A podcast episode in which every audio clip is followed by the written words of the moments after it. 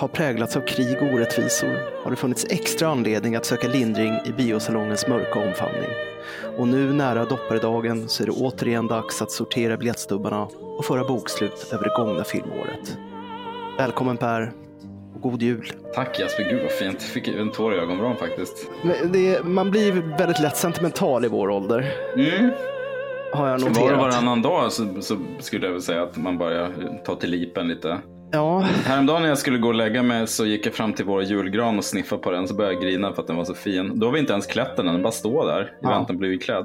och Jag den, är så glad. och den är dessutom i plast. Nej, nej, helvete, den är äkta. Ja, okej, det It's är bra. real. Någon måste få det ändå vara. Och främst spray, sp- Mm. aerosol. Du har hängt upp en julgran i julgranen för att det ska Mm. lukta julgran. Nej, men visst, det finns någonting i, eh, i årstiden som, som liksom tar udden också av vardagen eh, lite grann. Folk är lite... Man, pr- det pratas mycket i media om julstressen och Mm. julångesten och allt det här, men jag tycker nog fan ändå att folk är lite mer tillmötesgående, lite mer förlåtande så här års. Ja, det finns, en, eh, men det finns en förståelse för att alla är, alla är i samma båt. Alla är stressade antagligen. Man ska Ja. hinna klart grejer på jobbet och man ska köpa julklappar. Och det kryper närmare julafton för varje dag. Så det kan bli en- en mjuk stämning också. Det är också en hög mysfaktor. Det är alla de här... Alltså det är ju mörkt, men å andra sidan har vi snö. För Mm. tillfället i alla fall. Så att det, ju, det lyser upp vinternatten. Och sen alla de här tända fönstren och lyserna. Och, ja, det, det är Det är lite... Det är härligt ändå. Men du, eh, då ska vi ju liksom gå igenom filmåret 2023 igen. Ja, men jag, jag Eller igen, det. men ännu ett filmår ska avhandlas. Vi kör 2022 igen. Vi, Igen, ja. samma. Vi, vi ångrade oss. vi har sett om alla filmer. Nu kommer vår nya take på det här. Ja. Nej, men du, innan vi börjar så skulle jag vilja bara säga några korta ord om en kär skådis som har gått bort. Det är Frances Sternhagen som Mm. dog här i slutet på november. ja. Jag tror jag nämnt henne för, alltså hon blev ju 92 år gammal så hon hade jättelång och fin karriär. Men det är framförallt två roller som jag tror jag har pratat om. Det är ju, hon är ju sidekick i två filmer. Hon är ju sidekick i Outland till Sean Connery, den här, den här riviga läkaren. ja. Och så är Hon hon, är underbar. Ja, men hon är Ja. så jävla bra. Där. Hon är ju som hans enda förtrogna på den här basen där alla vill att han bara ska försvinna. ja. Eh, och sen är hon ju eh, psykolog tror jag i eh, Racing Kane, eh, De Palmas eh, John Lithgow. Ja, hon är som psykiatrikern som i Psycho förklarar hela liksom, bevekelsegrunderna för hans psykos. Mm. Mm. Men istället för att ha en sån här supertorr scen som, som just i Psycho så gör ju De Palma en sån här vidosa steadicam-tagningar. När de Ja, går genom hela in i hissen, ut i hissen. Och då kommer jag ihåg att när de åker ner för rulltrappan så tiltar han ju kameran också. Och så tiltar han upp den när, när de kommer ut. Det är, det är så fint. Maestro. Ja, maestro.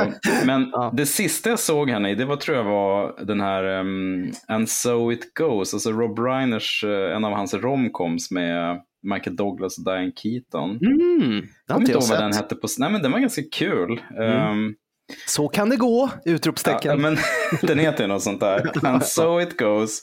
Det är så otroligt mycket Nora Ephron över den titeln. Och det var Mm, lite, men jag minns att den är, den var ganska kul. Och Om jag minns rätt så spelar Francis Sternhagen någon kollega till Michael Douglas. Han är så jävla misantropisk. Mm. Han är en sån här fastighetsmäklare och han säger typ så här, Hej, you- you're the one, you're, you're what closely resembles a woman on this workplace eller något sånt där. Superspydig mot henne, hon är spydig tillbaks. Nej, det var en fin roll, det, det blev tydligen hennes eh, sista filmroll också. Då måste hon ju, den är från 2014 så då var hon ju ändå en bit över 80. Tråkigt. Vi, Mm. vi får minnas henne och kanske se om en Sternhagen-rulle här under uh, julledigheten. Ja men det tycker jag enkelt. verkligen vi ska göra. Jag såg också för övrigt, det kan man väl också nämna, att Andre Brower gick bort Ja. sistens. Det var lite trist. Han var ju väldigt. Jättetråkigt. Ja. 61 bast. Eh, Ja. Det var jättes, jättetragiskt. Många, han är svinbra i Brooklyn 99 men för mig är han mycket homicide. eh, Ja, Life on the absolut. Streets förstås. Ja. Det är alltid tragiskt när någon går bort i så pass tidig ålder ändå, som 61. Vi, vi tycker det är tidigt nu när vi är 50 drygt. Ja, precis. när man var i 20-årsåldern då var det så här, äh, lagom. Han har haft ett bra liv. Det var, det var dags. Nu är man lite panikslagen. Bara, "Hä, 60 det är väl ingen ålder. En liten in memoriam, det kanske vi ska införa som ett, ett stående inslag i vårt uh, Ja, eh, filmårsavsnitt. Ja, det är bra. Det, mm. det, det, utvecklar vi vidare. Du, jag sneglat lite på årets box office. Ja, kollat, kollat, kollat, lite stats. Jag har en topp 15 framför mig här. Jag tänker inte lista alla, men eh, man kan ju konstatera i alla fall att Barbenheimer var ju uppenbart årets stora mm. PR-succé. Alltså bägge filmerna hamnar i topp tre biobesök under året internationellt. Mm, det är eh, mäktigt. Ja, Barbie kom på första plats då, givetvis. Eh, och Oppenheimer trea med Super Mario Brothers-filmen i mitten mm. på andra plats. Mm. Fast X, eller Fast 10 vad man kallar det, på femte plats. Det beror på vad man kallar Jason X. Är det Jason ja. X eller Jason 10? Man ja. får ha samma appliceringsmodell. Exakt, X-Men eller 10-män. Mm. Fast där är ju Xavier, så det räknas ju inte. Men äh, jag är lite fascinerad över det här med Fast and Furious 10, för det, det är den senaste delen i en filmserie som har passerat all rim och reson för länge sedan. En filmsvit som vid det här laget är bortom kritik. Det liksom går inte ens att försöka utröna vad de, vad de handlar om. Alltså det är bara ett, ett event. Liksom. Mm. Men det är en fortsatt populär franchise ändå. Hamnar ändå på femte plats. På fjärde mm. plats eh, låg ju Guardians of the Galaxy 3 eller volym 3, som, volym 3. som var någon sorts sorti för den delen eller aspekten av Marvel-universumet. De kommande tio åren, eller i alla fall mm. hur långt de nu har planerat. Ja, det är lite tuffa tider nu, som bekant mm. för Marvel. Men den gick ju ändå väldigt bra, får mm, man konstatera. På fjärde plats, årsbästa. Däremot Mission Impossible Dead Reckoning Part 1, den oländiga titeln. Mm. Den tog sig bara upp till åttonde plats på Box Office-listan. Det måste ha gjort Tompa väldigt besviken. Ja. Han är ju ändå på något sätt Box Office-kungen. Ja, nej, det var, hur, hur slutade Top Gun förra, eller var det förra, förra året? Den måste... tror jag är mycket bättre. Jag tror den låg på typ femte plats. Det var ju en sån surprise hit på ett mm. helt annat sätt. Men ja, vi får se. Vi kanske återkommer till Mission Impossible. Jag läste att de, de, den är ju flyttat till 2025. Det tror jag lyfte med gråten i halsen för något avsnitt sedan. Jag läste att de funderar på att byta namn på den också för att det blir, som du ser, det blir så himla klumpigt med Mission colon, Impossible, Tanksec, Dead Reckoning colon, Part 1. Alltså folk fattar ju inte. Så nu skulle de kalla den något annat då, men samtidigt har man kallat den ena Part 1 så blir det konstigt att inte ha Part 2 då i tvåan. Jag vet fan. Nej men alltså det är väl det här att Story Part 1, då väntar folk tills Part 2 kommer så att de kan se dem samtidigt. Det är ju klassiskt binge-watching beteende. Sen är det ju liksom the, the, the, usual, alltså det som man förväntar sig. Alltså Spiderman Across the Spiderverse på sjätte plats. Mm. Följt av The Little Mermaid, den här belackade eh, live action-remaken då av Disneys, ja startskottet för deras renässansera kan man väl säga inom animation. Elemental på nionde plats. Och sen kom Ant-Man and the Wasp Quantumania på tionde plats. Lite mm. oförtjänt att det kom så högt. Ja, herregud. Ärligt talat. Vilken skitfilm egentligen. Ja, verkligen inte bra. Och strax under den John Wick 4 då, som inte heller var en felfri film, men hade nog mer glädje åt den. Ja, det var ju fröjd. Tolfte plats Transformers Rise of the Beasts, trettonde Meg 2. Helt obegripligt alltså. Men, ja, ja, hur fan kunde den gå så bra? Så rolig var inte den första heller. På fjortonde plats Indiana Jones and the Dial of Destiny. Mm. Och på femtonde plats Five Nights at Freddy's. Five jävlar. Nights at Freddy's. Det är skräll, årets skräll. Ja, den trängdes in i topp 15. Alltså, det vittnar mm. ju om en väldigt stark fanbase runt det mm. spelet. För att jag kollade upp det här, den har alltså fått fler biobesökare än samtliga Tomb Raider-filmer och Assassin's Creed som är ändå avsevärt större IPn mm. än vad mm. Five Nights at Freddy's är. Så eh, gratulerar till Universal för att de satsade på den ponnyn, får man väl säga. Nej, men det är jätteintressant. Man undrar också hur många som gick och såg den som faktiskt har spelat spelet eller som bara kollat så här reaktionsvideos Jag tror det är jättemånga YouTube. som har kollat, kollat på Twitch när mm. andra spelare. Det jag gjorde jag det lite grann, men det var ju, jag, jag har inte superkoll på det här spelet. Det är ju ganska primitivt egentligen. Ja, det är ju Otroligt enkelt spelidé. Mm. Och det är ju urbota tråkigt att sitta och kolla på, på någon som sitter och klickar, klickar, klickar, klickar fram och tillbaka. Så här, ah! Så, ja, precis. Hjälp! Ja, jag vet inte vad man, för observationer man kan göra i övrigt, mer än att det är tre animerade filmer i uh, topp 10. Mm. En observation är väl också att av, av topp 10 tror jag att det bara var en film som inte är antingen en, ett existerande IP eller en sequel. Va? Ja. Eh, det vill säga Oppenheimer. Allting annat är ju finns det ju förlaga eller det är en senare del eller det är en produkt som Mario eller, och Barbie och sådär. Mm. Jag hörde på um, The Big Picture-podden som snackade om att senaste året, eller du kan få gissa också, senaste året då topp tre box office eh, inte var sequel, spin-off eller IP. Vet du vilket år det var? Det här måste ju vara liksom tidigt 2000-tal känns det, Det som. mycket tidigare än så. Är det 90-tal rent av? Ja, det är 80-tal enligt, enligt dem. Är det sant? ja, usch. Jag har Okej. inte kollat upp det här, men enligt dem så var sista året var 82. Därför att då, då gick då var topp tre box office var E.T., Ja, Tutsi och En officer och en gentleman. ja.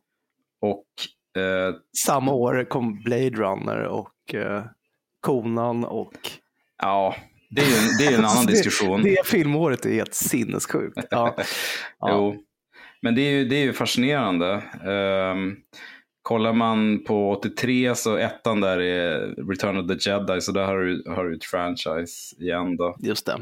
84 har du ju Ghostbusters. eh, Ja, det är ett nytt. nytt. Det var Det inte var nytt IP och- då. Nej, sant. Mm. Eh, men tvåan Beverly Hills Cop var ju också ny. Men sen Temple of Doom då, Indiana Jones 3, så då fuckar ju den upp. eh, mm. Just det. Ja, så Ja, där kan man hålla på. Jag Ja. hade gissat på kanske så här sent 90-tal. Ja, Sista jag ska säga nu, 85, då har vi ettan i Back to the Future, ny film, men, men sen tvåan är Rambo då, alltså First Blood Ja. 2 och så trean är Rocky 4. Och så där Second fortsätter det. Mm. ja, precis. ja, väldigt ledsamt att höra att det är Men så. det- Men det är men inte det- förvånande egentligen. Nej, verkligen inte. Och, och det, det är ju väldigt glädjande att, eh, nu kan man ju tycka vad man vill om Barbie, liksom, och det är också en, en ogenerad, det är ju inte att vi kommer prata om den, eh, om den är med på någon av våra listor. Det var ju ändå liksom lite otippat med att den hade någon slags eh, intellektuell approach, om man är generös, och att det var eh, Greta Garvig och så vidare. Mm. Och samma sak med, med Oppenheimer, så det var ju årets PR-kupp verkligen. Det, Men det är ju så, jag tittar på Barbie här till exempel som landar på första plats över eh, mest sedda filmer. Och det är ändå 56 procent ungefär av den filmens publik var internationell, inte amerikansk. mm. Men det är ju egentligen inte heller förvånande med tanke på hur um, polariserat det är i USA kring det här med woke-kulturen och allt det Mm. där tramset som de håller på Precis. med. Så att det var ju många som klagade på den här filmen i USA, kommer jag ihåg, men eh, resten av världen verkar inte ha brytt sig nämnvärt. Den var helt okej, tycker jag. Ja, jag tyckte jättemycket om den. Mm. Oppenheimer däremot har jag inte sett. Det eh, tar emot lite grann. Det är Nolan, den är lång. Jag måste stålsätta mig. helt enkelt. Jag hittar rätt kväll. Nej, men det här skämtet har jag väl dragit fem gånger. Men jag Ja. ser den uppdelad på flera dagar på tunnelbanan på väg till jobbet. Precis, Med med en en, trasig en, hörlur. hörlur. En Ja. hörlur. I ena örat bara. Mm. En 460p-version. Ja, liksom. och så ska du, du ska inte ladda den, ska strömma den så den ska brytas hela tiden när du åker genom en tunnel. Så att du, du sätter liksom med 55 olika avsnitt. Precis. Nej, men det är också längden. Du vet, jag, dro, jag drog mig in i det sista och se eh, Killers of the Flower Moon till Mm. exempel. Bara för att den är så lång. Liksom. Mm, samma här. Och då är det ändå Scorsese som jag tycker är en fantastisk regissör. Som jag verkligen inte har några klagomål på. i Nej, men jag vet. allmänhet. Det är jättekul. Det är jätte, jag vet inte om jag pratat om det här också, eh, men just det här att Gud nåde den som försökte sig på en, en eh, liten rast i mitten på Kills of the Flower Moon. Då fick de ett surt brev av både Marty och Thelma Schoonmaker som Ja. var helt oförstående. Bara, Vadå Ja, tre och en halv timme? precis. Jag läste en, en intervju med Telma. Hon var så här, eh, apropå att folk så här, tycker den är alldeles för lång. Hon bara, hm, det var konstigt. Det här måste jag, det måste jag undersöka. Tanken har inte ens slagit henne. Bara, nej, vi kör. Ja. ja, men du vet, hon är inte en medelålders man med svag blåsa helt enkelt. Det är bara det det handlar om. Ja, nej, men vad fint. Du, Mm. eh, ska vi gå rakt in på det då? Vi har ju våra kategorier. Jag, tänker, jag brukar alltid lista dem, men jag, eh, det är ju främst liksom för eventuella nya lyssnare. Jag vet inte om det är om det är nödvändigt eller ska vi bara ta det lite som det kommer? Vi tar det som det kommer. De är ganska självförklarande så att säga. Mm.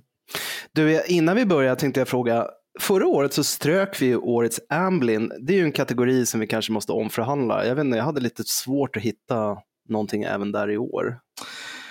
Ja, samma här. Det var ju så...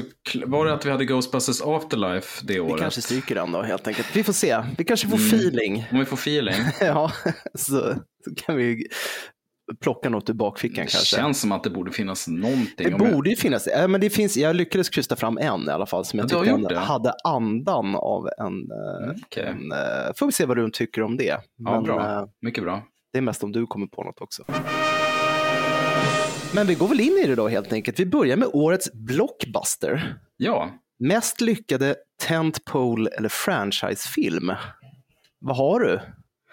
ja. Här har jag en film jag tror du har nämnt redan och det är Spider-Man Across the Spider-Verse. Ja, fint. Bra.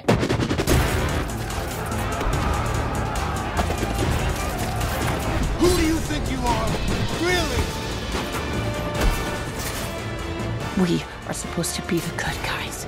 We are.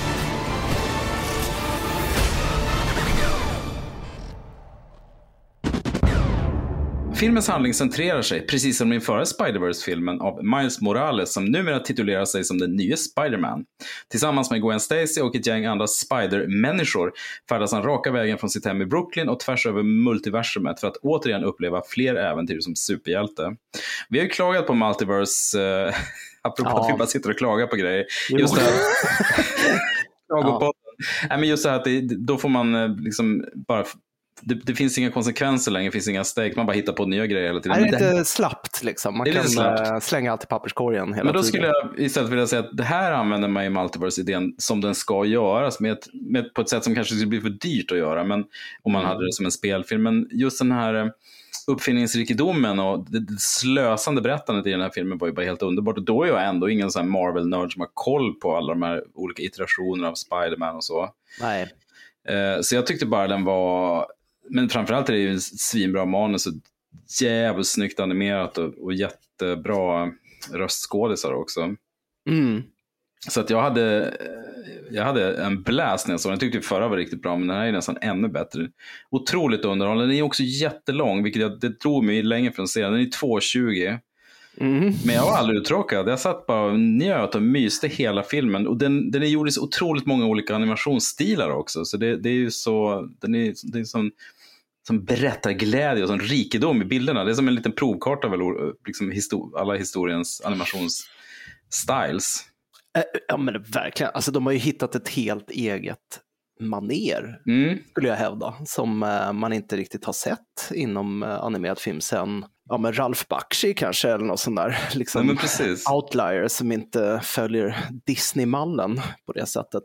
Jag tycker det är djupt imponerande och jag Mm. håller med dig om att den här, även som föregångaren, har ju liksom utnyttjat multiverse-konceptet på ett väldigt bra sätt. Där det känns verkligen som att man liksom utnyttjar dess potential istället Mm. för att använda det som någon sorts uh, kryphål i, Mm. i stringens och kontinuitet. Precis. Så, ja, och Och sen så, apropå, fantastiskt bra röstskådisar också. Ja. ja.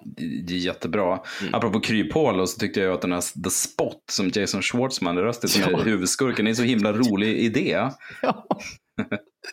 det är jättebra. Mm. Alltså är det just någon som ser sig själv också som the big bad, men som är helt total förglömlig liksom, Ja. i hjältens eh, begreppsvärld. Jättekul. Också en film som jag kände så här, efter jag sett den, fan det var, var härligt att komma att se om den här filmen hemma. Eftersom Mm. den är, jag hinner glömma så mycket av den, den är så otroligt smart och rolig hela vägen. Så Ja, det, det det, är så- det är så- absolut min, min bästa Det är så detaljrikt också. Mm, otroligt. Sen, så, äh, men jag är inte jättebevandrad heller i äh, Spindelmannen äh, mytos. Men jag hade väldigt roligt åt den här, att de, alla filmer som gör sig lustiga över Rob Layfield som är en sån här äh, namnkunnig 80-tals äh, serietecknare som Mm. ritade Spindelman bland annat, som äh, var fruktansvärt. Han har liksom ingen som helst uppfattning om mänsklig anatomi. och de, de gör sig väldigt lustiga över honom i filmen, vilket jag tyckte var mycket glädjeväckande. Så att eh, du får pluspoäng bara för det. Ja, men vad roligt, vad glad jag är att du fick med den för att jag pendlade mellan den och en annan, i en annan kategori faktiskt. Mm, mm. Jag eh, går väl dina ärenden då helt enkelt och eh, väljer eh, Mission Impossible Dead Åh. Reckoning Part 1. Åh, vad härligt. ja, lite otippat va, att jag skulle ta en Mission Verkligen. Impossible-film. Jag menar, jag var ju sugen på att ta den, men jag tyckte ändå att den inte riktigt... Du vill inte vara för förutsägbar? Nej, jag pratar ju jämt om de här jävla filmerna, så det var jättebra att du tog det istället. None of our lives can matter more than this mission. I don't accept that.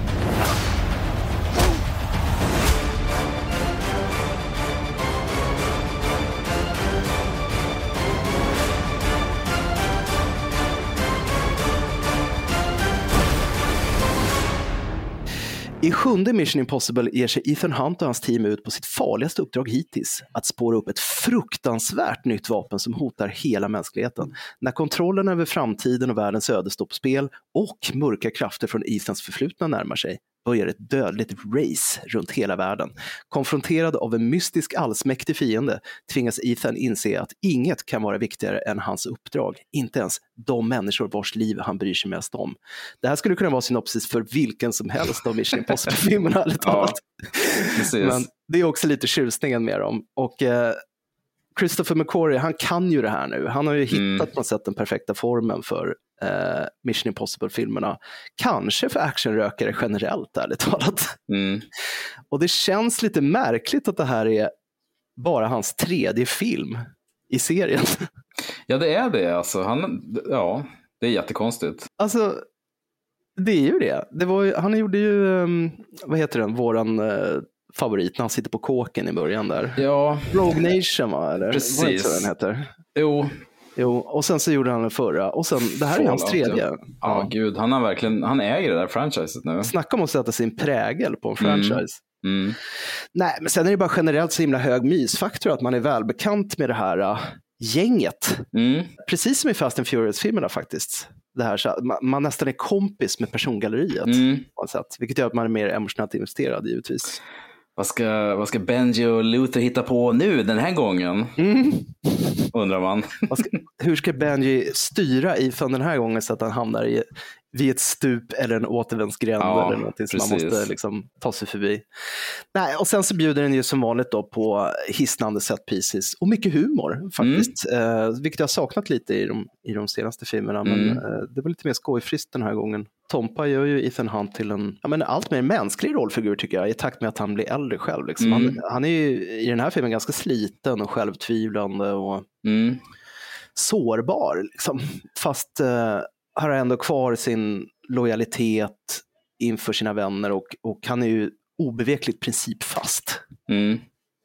Så eh, ja, nej, men jag tycker ändå eh, vad avser liksom tentpole-rullar att det här var helt klart best in show i år. men, ja, men jag håller med. Och, och, han har gjort en stor grej, flera, eller alla McCoys filmer, just det här att Ethans akilleshäl är just den här lojaliteten med gänget. Han, om Mm. han vore en riktigt proffsig agent skulle han bara offra dem för missionets skull eller uppdragets skull. Men det gör han ju inte.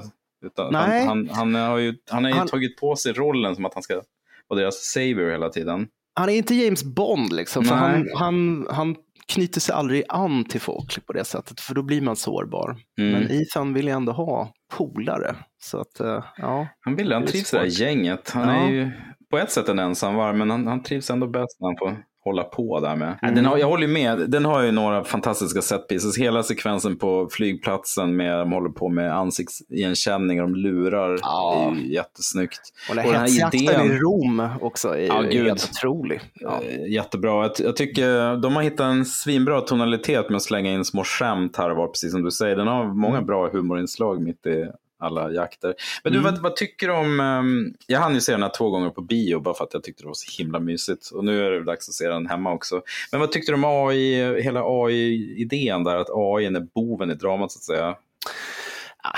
Det är väl The okej. entity. Alltså, vi, vi kan väl alla hålla med om att algoritmer är ju inget vidare.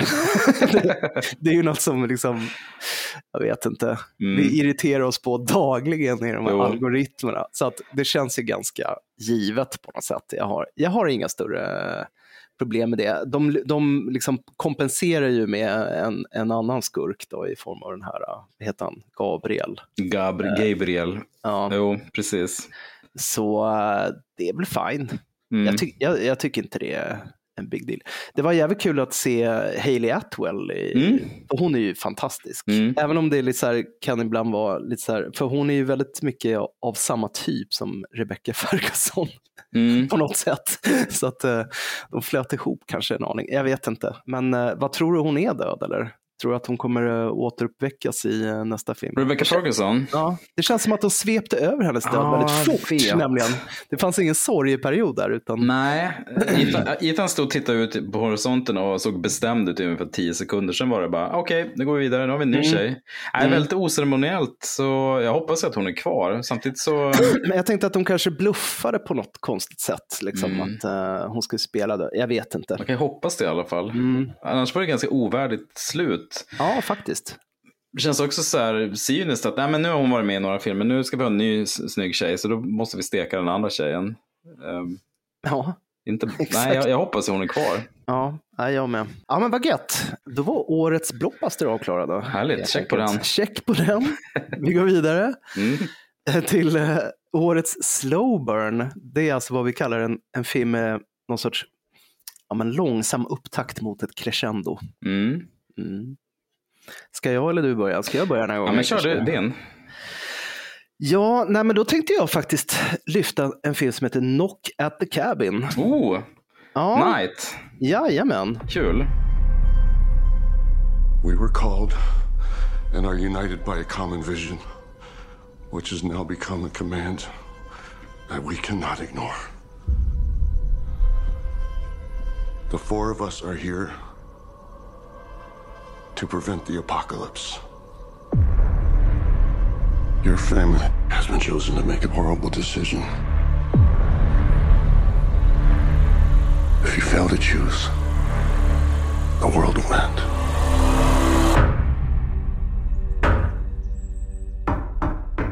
När de är på semester i en avlägsen stuga tas en ung flicka och hennes föräldrar som gisslan av fyra beväpnade främlingar som kräver att familjen gör ett otänkbart val för att avvärja apokalypsen.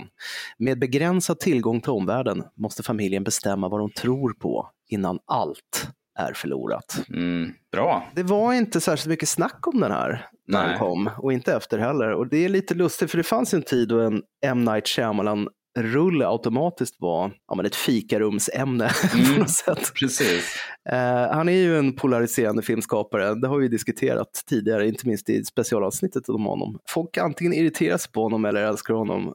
Eh, vi tillhör ju då den senare falangen. Men eh, numera så verkar det som att de flesta inte ens orkar eh, samla orken att eh, kommentera honom överhuvudtaget. Nej, det var inte så mycket snack om den här filmen. Det var lite förhandssnack, sen, sen hände det som ingenting. Men jag tycker det är en av hans, hans bättre filmer. Ja, men jag håller med. Mm. För att, menar, han har ju haft en, en så kallad renässans de senaste åren med hjälp av eh, crowdfunding och lite så här Mm. eh, independent finansiering. Precis. Eh, Så han har ju liksom tagit sig ur en ganska lång ökenvandring efter, någonstans därefter, vad heter den, Avatar.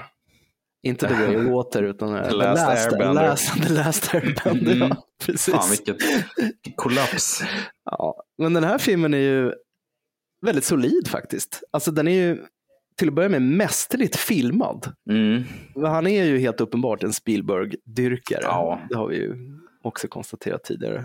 Och eh, jag tycker den bygger sakta men säkert upp en spänning som en, en riktig tryckkokare ska. Mm. Och sen kan det ju vara så, eftersom han, han står ju inte för manus i den här heller. Jag har faktiskt läst boken den bygger på. Som också Mm, var jäv, jävligt bra. Den heter Cabin at the end of the world. Men i och med att han inte har skrivit manus själv så, så uteblir ju det här eh, signaturmässiga twist-slutet. Ja, som många stör sig på. Mm. Eller, eller gör, gör sig lustiga över. Eller?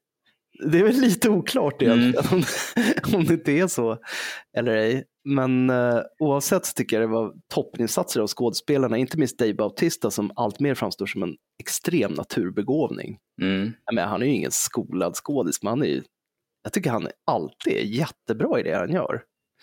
Han är grym. Han var väldigt bra i Blade Runner 2049 också. Ja, och väldigt rolig i, i uh, ja, men Guardians och Mm.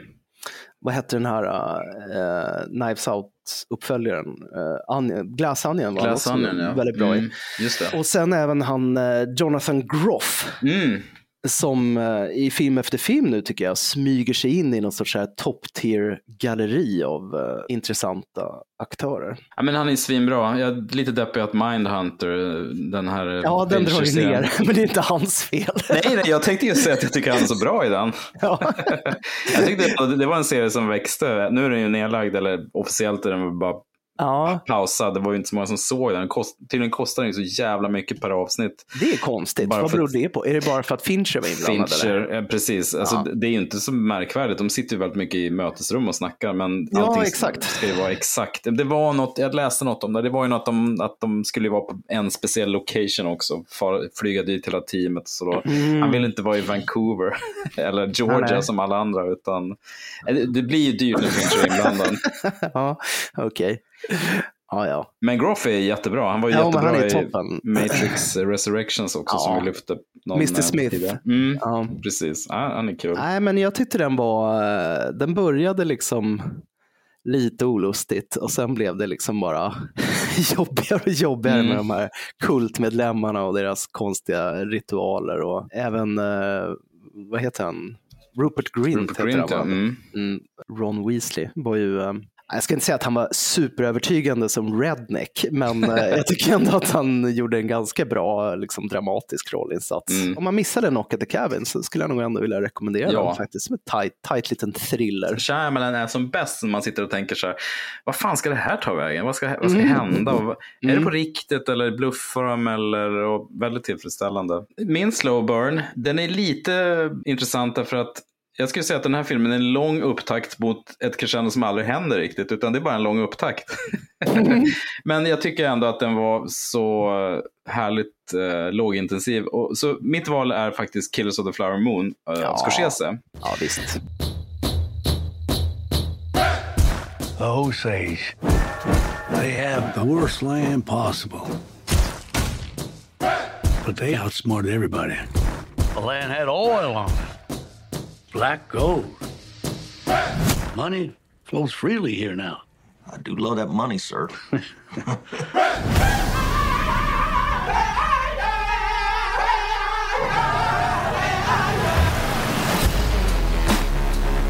This wealth should come to us.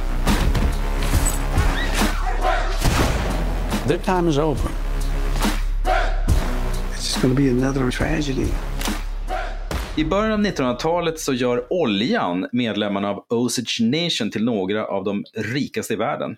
Ursprungsamerikanernas plötsliga förmögenhet lockade omedelbart till sig vita inkräktare som manipulerade, utpressade och stal så mycket Osage-pengar de kunde innan de tog till mord. Den var ju virtuos, den är ju otroligt mycket bättre än The Irishman. Det var ju svinbra spel. Tre och en halv timme. Den här gången har jag inte pepprat med, liksom, med popmusik och Stones och sådär, utan det är ju Robert, Rob Robbie Robertson som har musik som ibland är anakronistisk. Men det, det, liksom, det ligger ju musik på i stort sett hela tiden i tre timmar. Den har ett sånt, sånt suggestivt driv framåt hela filmen, fast den är så jävla lång. Och det är bara att buga sig för Marty och eh, Telmas eh, berättarkonst. Det är en fantastisk film. Den är skitsnyggt plåtad. Den är jätteintressant historia som jag inte hade koll på. För att bara Nej. själva premissen som, som synopsis säger, just det här att de här Osage-indianerna är ju å ena sidan någon slags adel, för de är så jävla rika. Ja. Så de, har ju, de går runt i, i fina kläder och har en massa vita uppassare och tjänare. Men samtidigt så blir de ju manipulerade då av eh, de vita. Jo, men alltså, Helt skamlöst. det var ju, jag såg den här ihop med Åsa, då, min fru, och Mm. eh, hon var så här, efter fem minuter så vände hon sig mot mig och sa, men vad fan, gör han någon sorts jävla Quentin här nu? Är det här någon sorts revisionistisk liksom, historiebeskrivning med rika indianer? men man har ju jättedålig koll på det här. Liksom. Mm. Men eh, nej, det är ju helt sant, det var ju så. Och just som du säger att de var så här, de var förmögna, men samtidigt helt omyndigförklarade. De Ja. hade så här, uh, förmyndare som delade Mm. ut liksom deras, deras pengar i så här, portioner som de var tvungna att motivera. så det är så obegripligt. Ja, mycket, mycket Och märkligt. just att de var så mottagliga också för hela den här sjukdomsfloran som vi, de vita tog med sig. Mm. Så att de Precis. blev sjuka och eh, i vissa fall till och med förgiftade och, och utnyttjade. Men Leo DiCaprio är ju väldigt bra. Jag vet inte riktigt vad de har gjort med honom. De har breddat hans näsa lite grann tror jag. Mm. Så att han sitter och skjuter ut underkäken hela tiden Vi också. snackar ju om det, här. ja precis, de har ju stoppat bomull i kinderna på honom som Marlon i uh, Marlon. Gudfadern. Uh, liksom, jag satt och tänkte mycket på att han har så här, uh, studerat Nicholson för att uh, Ja, han, han gör liksom en perfekt så här, Nicholson när Nicholson spelade korkad. Mm. Alltså om man tittar på typ Prissys heder, John Mm. Huston-rullen, det är i princip samma rollfigur. Faktiskt. Lite så här uh, halvpuckad snubbe med, med svajig moralisk kompass. Liksom. Mm. Det är verkligen jättelikt. Men sen har jag sett, det är många som jämför hans rolltolkning med Billy Bob i uh, Sling Blade också. Just det. Mm.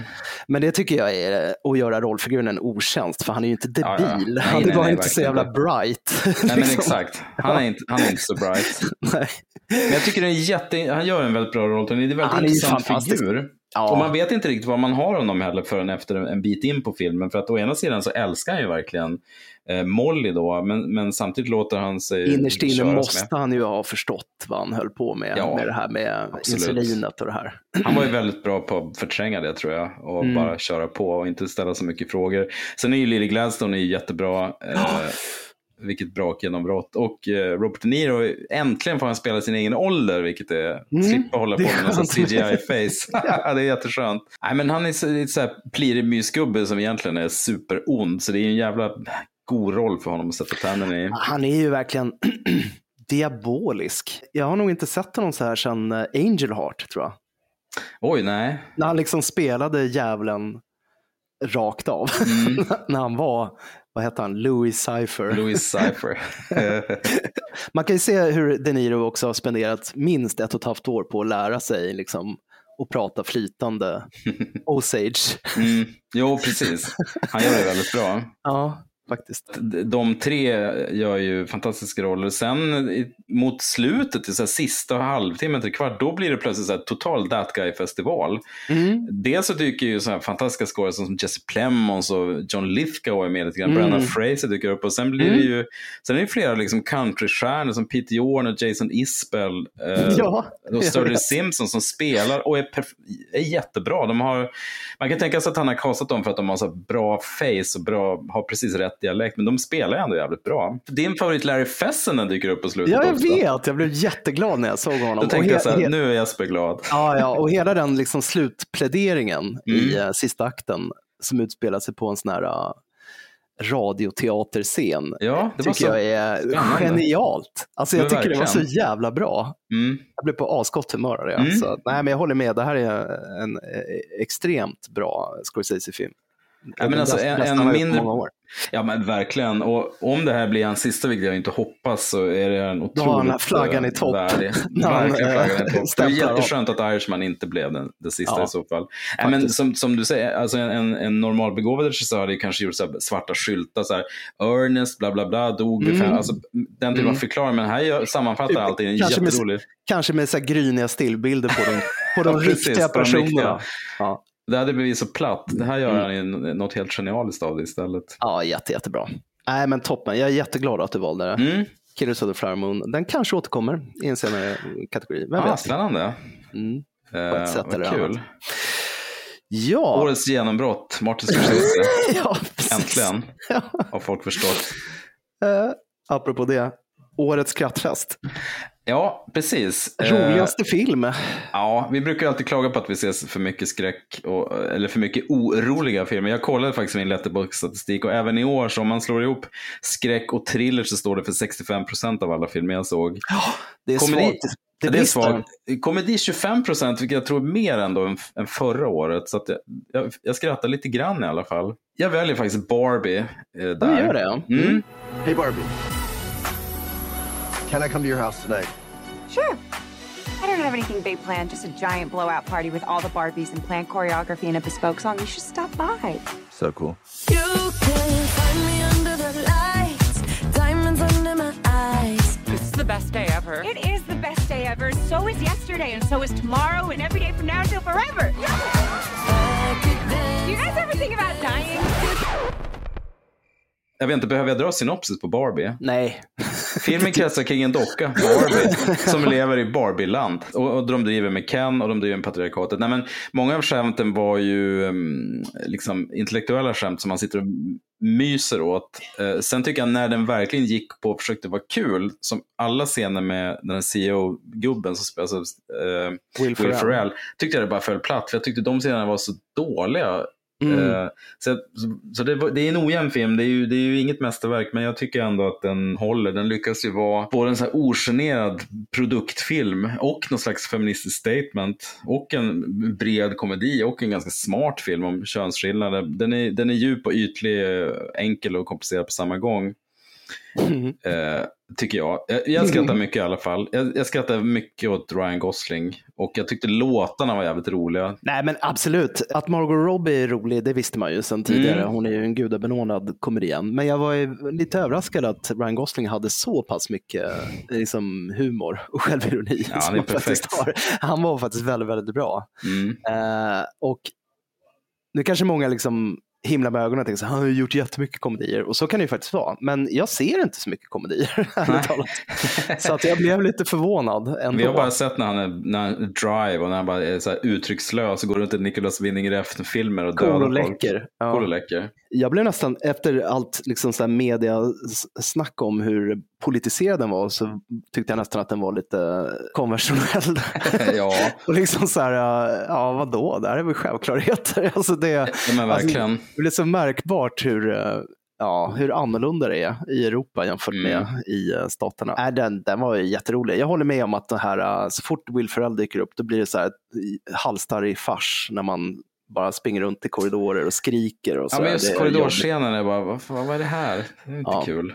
Ja, Jag i brukar älska Will Ferrell annars, men just det här ja, visst. det svårt. Jag har ett kluvet förhållande till Will Ferrell. är- Jag tycker han är eh, briljant emellanåt. Men det är väldigt mycket hit or miss med honom Mm. faktiskt. Man kan ju verkligen känna att eh, Greta och, eh, vad fan heter maken nu igen då? Noah. Noah Baumbach. Ja, precis. Hade väldigt roligt när de skrev manuset. Ja, Alltså för att det, det finns mycket liksom, eh, skaparglädje. Och sen tycker jag att estetiken fångade de ju så perfekt, hela den här Mattel ja. den här bjärta liksom, pastellvärlden i Barbie World var Väldigt otroligt gjord. väl genomförd. Mm. Och Michael Cera var ju väldigt lustig som den här uh, totalt bortglömda sidekicken till Mm. Ken som de faktiskt lanserade en gång i tiden men som ingen minns. Nej, Vilket är jättekul. Gött. Men du, vad fick dig att skratta då? Jag såg alltså 20% komedier i år. Det är ju inte helt fel. Sen, vår, förra. namn på den här kategorin, Årets skrattfest, det förpliktigar verkligen. Det gör det verkligen. Det är, anspråksfullt. Där var här. Nej, så jag såg inte jättemånga. Jag, jag, jag försökte se många, men jag stängde av rätt många ungefär 20-25 minuter in för att jag kände Mm. att det här är inte min grej. Ehm, tyvärr. Men det är klart att några är riktigt roliga såg jag. Jag skulle vilja lyfta en film som heter Theater Camp. Oj, Welcome, auditioners. You guys are so talented, so unbelievable. This will break you. This will fully destroy you. Congratulations on being the most talented kids at camp. Starfish, starfish, jiggle like a jackal, jiggle like a jackal. These are the things we can do with masks. These people are really weird. That's a good song choice. I, I do believe her as a French prostitute. Amos, Oh, I'm sorry. Sex worker. thank you. Sad news, I will not be doing piercings anymore in the hut because there's a narc amongst us. Um, Cassie has narked. It's totally fine. We're going to need to prioritize the musicals, which means the straight plays are going to have to be acoustic. Quick question What's a straight play? There are musicals and then there are straight plays. So then what would be a gay play? I guess a, a, a, a musical. Filmen kretsar kring de bästa vännerna Amos och Rebecca Diane. De arbetar som dramainstruktörer på ett nedgånget läger i norra delen av delstaten New York. När den inkompetente Troy, ägarens son, anländer för att driva anläggningen vidare så går Amos, Rebecca Diane och produktionsansvarig Glenn samman med personalen för att tillsammans sätta upp ett mästerverk. Det här var ju alltså en um, Sundance-snackis som Mm. jag såg till att kolla på. Det är i, grund och botten en väldigt ljuvlig satir av teaterapor i eh, sann eh, Christopher Guest-anda. Så om du tänker dig typ eh, A Mighty Wind eller Best in Mm, Show, mm fast det handlar om ett dramatikläger för barn, så har du Theater Camp ungefär. Den är skriven då av eh, Ben Platt som är den här Broadway-stjärnan som eh, spelar huvudrollen i Dear Evan Hansen. Jag vet inte om du såg den. Nej, just det. Jag gjorde aldrig det. Och uh, han var med i Pitch Perfect-filmerna Mm. också. Han spelar då den här Amos, en av de här förbittrade dramainstruktörerna på det här uh, sommarlägret då, som uh, du vet hade stora Broadway-drömmar men som Mm. liksom fastnade som någon sorts dramalärare för barn istället. Och liksom uh, utkräver liksom en nivå av perfektionism som är fullständigt orimlig. Men det är en väldigt så här, bitande självironisk dialog skriven av en, en person som befinner sig i, i det här universumets centrum. Då, då. Replikerna är levererade av en jävligt stark ensemble där framförallt många av barnen är helt eh, fantastiska faktiskt. Så det här var en, en mycket älskvärd en liten bagatell, men eh, den är extra rolig också om man är road av showbusiness-personligheten som eh, fenomen och liksom hur, eh, hur viktigt det här är för dem. Det här med att stå på scen och kunna de här låtarna. Och, ja, du vet, det är en väldigt speciell sfär att röra sig i, men den var väldigt, väldigt rolig faktiskt. Men jag känner att jag måste se den här. Den dök upp på Disney Plus häromveckan bara. Två skådisar från eh, The Bear är med. Både Ayo Edebiri, Sidner och Mm. även hon Molly Gordon som spelar... Molly Gordon är grym. Hon spelar Ja. den här Rebecca Diane. Åh, eh, fint. Den plats. eh, Ja, men de, har, de gick båda det här teaterlägret som små och fann Mm. varandra, liksom blev kreativa partners och så har båda liksom fastnat där. Medan hon då kanske lite mer vill söka sig därifrån medan han är, han är för rädd att ta klivet. Liksom. Mm. Han, han vågar inte satsa. Så är det, den rekommenderas faktiskt. Det var som sagt är ingen, big deal men, men väldigt så här, äh, älskvärd, charmig liten film. Vad fint. Ja, men då måste jag se den. Det Mm. låter precis eh, som Up My Alley. Men du, från, eh, från roligaste till mest berörande och gripande film. Från, gråt, från skrattfest till gråtfest blir det ju nu. Årets drabbning. Ja. Ja. Ehm, Blir det Meg 2 eller? Alltså jag grät ju för att den var så jävla dålig. Jag kollade faktiskt lite på min, mina statistik och jag, jag delade ut två ettor i år och på nya filmer. Och den, den ena var Murder Mystery 2.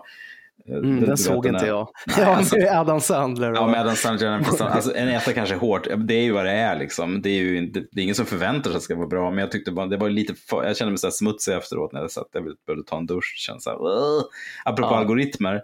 Men Ja. den andra ettan var ju Meg 2, som ju, det här har vi väl redan gnatat om. Just att det är en Ben, ben Whitley-film. Nej, den var fruktansvärd. Det är Nej, obegripligt att det är en Ben Whitley-film. helt obegripligt. Och också att, vad, vad sa du att den kom? Topp 12 eller något sånt där? Den kom på trettonde plats 13. i år. Mm. Unlucky number. Nej, men årets mest gripande film, årets drabbning för mig, är ju också årets bästa film. Och den här såg jag redan i januari på Göteborg Filmfestival. Jag tänkte så här, det kommer inte finnas en bättre film i år, så nu är det klart. Det är Mm. After Sun av Charlotte Wells. Mm. Why don't you go over and introduce yourself? Dad, no, they're like kids. Why don't you go over and introduce yourself? Sophie, they're like old.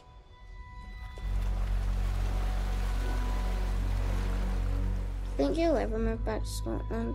No. Why? There's this feeling once you leave where you're from that you don't totally belong there again. You okay through there? Don't you ever feel like tired and down and feels like your bones don't work? Like you're sinking? We're here to have a good time, eh?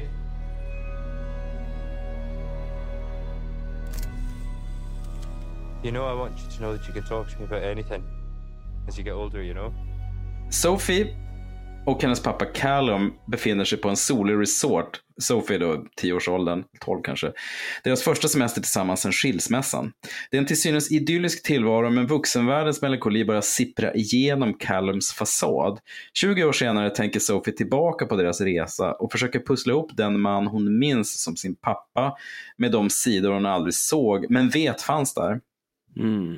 Ja, lite, lite stolpigt, men det, det handlar ju om pappan och dottern som är på, eh, på charter helt enkelt. Och de har jättefin samvaro, men det är någonting, det finns ett mörker hela tiden. Det, man, man förstår inte riktigt vad det är, men man fattar att den här pappan har någon slags stor sorg. Mm. Eh, och det ju, handlar ju om hur han mår och hur han är och deras relation. Sen, handlar, sen är det mycket en coming of age historia för den här Sophie också. För hon hänger med lite äldre barn och hon kysser en pojke första gången och de, de, de dricker sprit och pratar snusk och sådär.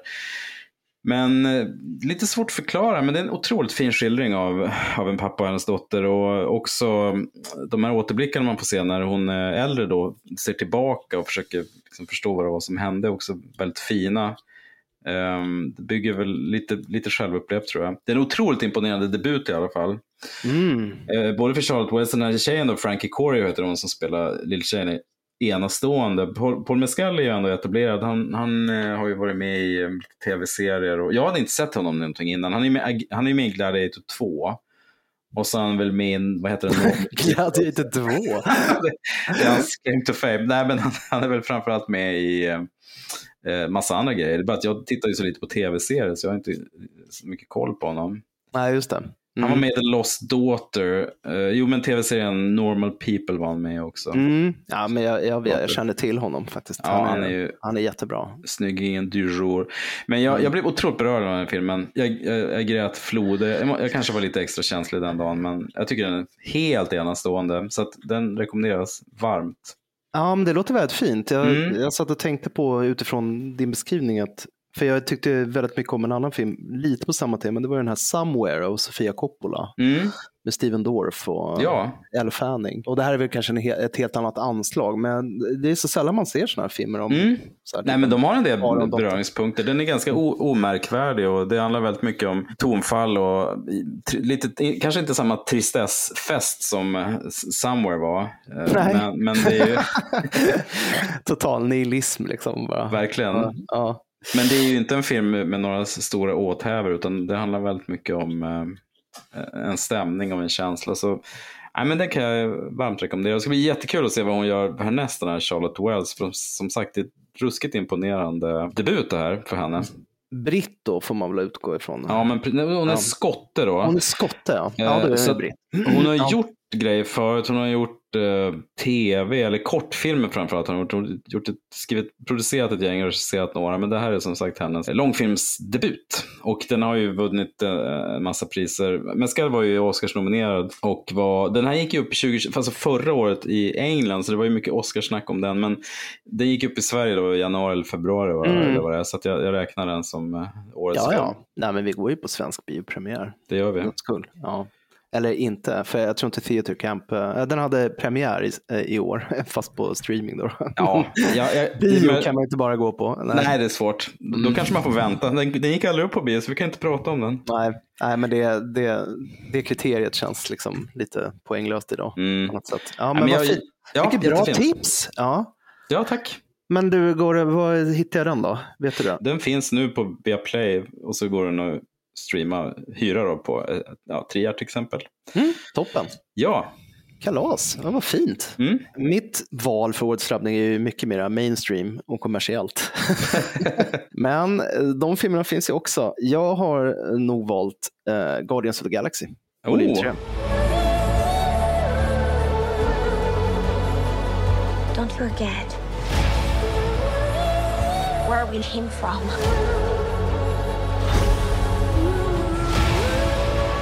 Have been running our whole lives. Pete, I'm done running.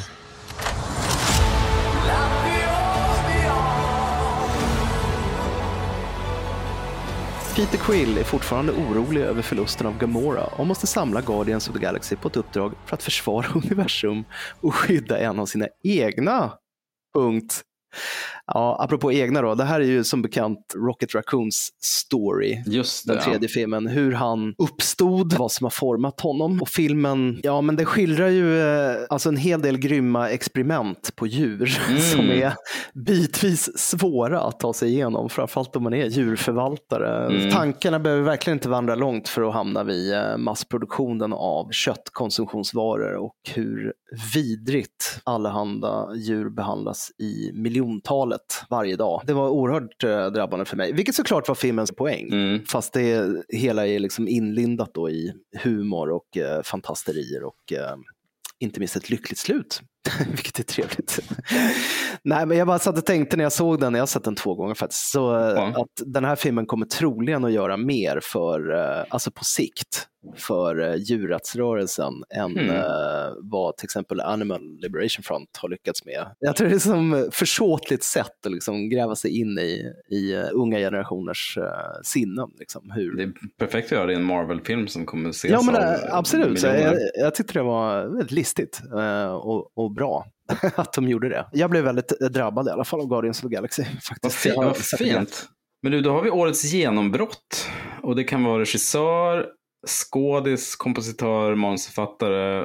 Mm. Fler, fler, kanske, vi har väl lämnat det ganska Filmarbetare av något Filmarbetare slag. kan man säga. Men det brukar ju landa på skådis eller regissör. Mm. Eh, hittills i alla fall. Jag tänkte faktiskt lyfta en person som vi redan har omnämnt, eller du har omnämnt, och det är ju mm. Ayo Edebiri. Ja! Är det din också eller? Ah, nej, men jag blev bara så glad, för vi har precis sett, eh, sett klart säsong två av uh, The, Bear, The Bear. och hon är ju så jävla bra. Ja. Har ni sett, man... jul, har ni sett julavsnittet? ja. Fy fan vilket trauma. Ja, det är nervskakande ja, faktiskt. Men otroligt. Jamie Lee Curtis är helt ja. otrolig. Ja, hon, alltså är man... hon är next level i den. Eh, next level. Alltså man får ju grov ångest bara att se henne. Så jävla bra. Hennes, hennes mimik, mm. liksom, hennes plastik är helt fantastisk. Mm, otrolig. Uh, inte rädd för att göra sig ful. Denna Nej. fantastiska. Nej, verkligen inte skådis. Nej men Ayo Edebiri, hon är ju en superbegåvad mm. person mm. som eh, pendlar till synes helt obesvärat mellan allvar och humor i ett och samma program eller en och samma film. Hon hade ju mm. ett fantastiskt år i år med framträdande roller i ett gäng toppkomedier, bland annat Theater Camp som jag lyfte som årets skrattfest. Mm. Eh, men hon var ju även med i den mycket mer omtalade Bottoms som Just jag det. älskade men du var lite mer sval inför. Ja, jag tyckte ju om den jättemycket men, eh, eller gjorde jag det? Jag vet inte, jag, hade svårt att knyta an till den. Den var väl så självmedveten. Jag, jag tyckte vissa mm. grejer var svinroliga, som när de verkligen tog ut svängarna med hur de såg på, på, på cheerleaders och eller så, mm. jocks versus nerds. Och så, det, är, det är verkligen en, en klassisk high school-film i kubik, eller draget till sin spets. Ja. Um, den, hade en, den hade en anarkistisk energi som jag ja. uppskattade väldigt mycket. Och sen så tycker jag det var väldigt elegant hur de, på ett sätt som jag inte har sett sen Scream tror jag egentligen, hur den gör sig lustig över genrens konventioner men samtidigt liksom bockar av alla punkterna i, i en eh, tonårskomedi mm. på alla sätt. Så den var ju helt regelrätt. Mm. Så, men samtidigt liksom väldigt självförlöjligande. Så att, ja, jag vet inte, jag, för mig var den full träff. Men jag var på, på gott humör helt enkelt när jag såg den. Jag var välvillig, mm. välvilligt inställd. Nej, men hon var ju också eh, med i uh, Teenage Mutant Ninja Turtles, den nya animerade komedin. Mm. Och så dök hon ju upp i Black Mirror senaste säsongen. Såg jag. Hon var ju med i den här um, Jonas Awful, ja, precis, med Sant. Annie Murphy. Mm. Ja, och, och, som du säger då i The Bear som möjligen är den bästa tv-serien på, på, på flera år. Jag tror det. Uh, där hon spelar den här osäkra men ambitiösa sous-chefen mm. Sydney med uh, bravur. Hon har väl ja, blivit hon... Emmy-nominerad tror jag för den rollen också. Hon är helt enastående. Väldigt uh, talangfull skådis som jag är supertaggad att se mer av mm. under 2024. Härligt, tack. Är... ja, varsågod. jag, jag zonar ut, jag bara kollar på hennes kommande film. Hon är med i något som heter Opus, en kommande skräckfilm av Mark Anthony Green. Hon spelar mm. mot John Malkovich i den filmen. Fantastiskt. Bra. Ja, det kan bli kul. Mm. Äh, men du, tack. Nu, blir jag, nu måste jag ju säga till ert camp. Det är inget snack om saken. Mm. Men du, jag, jag skulle vilja gå på musikvägen och prata om ett genombrott. Och mm. eh, jag tycker mitt val för årets genombrott det är eh, den finska duon Maustetytöt som mm. förekommer i Aki Kaurismäkis film Höstlöv som faller.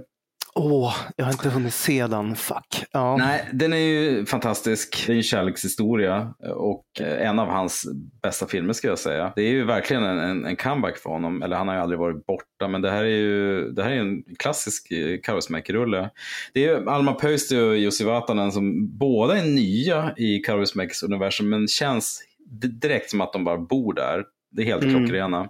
Mm. Men det handlar ju om eh, ledsna män som sitter på krogen och, och stirrar tomt framför sig med varsin öl. Precis som många Cowboysmaker-rullar. Men, AK-film plägar att göra. Exakt, men i, i en film då, så, eller en, förlåt, i en eller två scener så barunderhållningen är den här duon. Maustatytet, det betyder då Spice Girls på, på eh, finska, vilket är djupt ironiskt för att det här är två systrar då som väl är i, vad kan de vara, 25-30-årsåldern och som eh, de, de bor i, i Helsingfors. Eh, De har funnits ett tag, men det är väl liksom i, i år de har gjort sitt stora genombrott just i den här filmen. Så det är ju ingen som riktigt, man googlar dem så är det många som är ute på- Reddit och bara, vilka är det här, vad, vad heter de?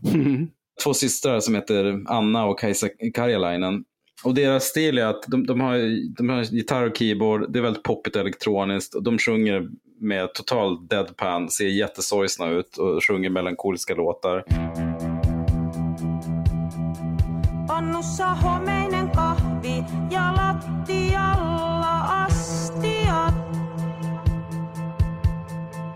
Sade huuhtoo ikkunoita, eipä tarvitse niitä itse pestä. Ei mikään enää lähtemästä estä. Mut on kuin Det klassiska Cowboysmaker-filmer är ju att det är finsk tango, men här får jag ju en pop eh, som låter rätt modern, men samtidigt har absolut det här melankoliska och sorgsna Mm. anslaget som, som är helt kolonialt med hans liksom, tidlösa men samtidigt samtida eh, filmuniversum. Finsk tango eller 50-talsrock är Mm. det som brukar förekomma. Ja, Precis. ja nej, men vad härligt. Ja, men det var jättehärligt. Och sen så Focus Bio, eh, Sita, biografen här i Stockholm hade, hade lite, de firade lite och då, då lyckades jag få se Maustatytet live också. Dra ett par, tre låtar inne på Sita, vilket var fantastiskt. De var Mm. jättebra. Ja, det var mäktigt. Så jag har sett dem live också, vilket är väldigt roligt. Men eh, vi får se vad som händer. De har ju en ganska de har en väldigt tydlig stil.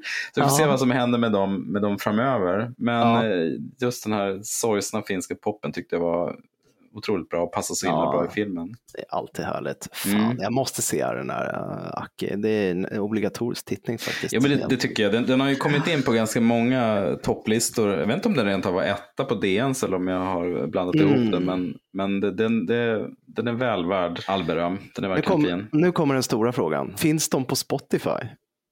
Ja, de finns på Spotify. Ja, vad bra. Ja. Då kan alltså alla söka upp det här. Att, Precis, eh, de heter alltså Maustetytet som, Mm. som det låter. Så de finns, det finns lite låtar där. Men du, för att gå på tvärs då mot Aki Kaurismäki så Ja. ska vi lite gå in i kategorin Årets nagelbitare. Ja, det ska vi göra. Ja, mest spännande film Mm. 2023. Det här är, nu händer det grejer. Ja, nu händer det grejer. Nej, men mitt val här är, jag har sett mycket skräck och sådär, men det är inte alltid de är spännande de här skräckfilmerna. Ibland är de läskiga, ibland är de bara roliga.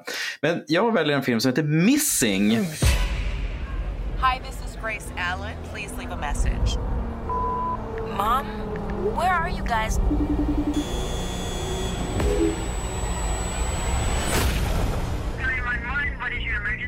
My mom never came home from her trip. I don't know where she is. I'm calling about a guest you had. Espere, ¿no habla español? Um, does anyone speak English? Uh, I'm sorry. This is Elijah Park. Please, I need your help. The FBI doesn't have jurisdiction to investigate in Colombia. So, is there anything I can do? The best thing you can do to help us is just wait by your phone. Say hi, Mommy. Hi, Junebug. I'm not giving up on my mom.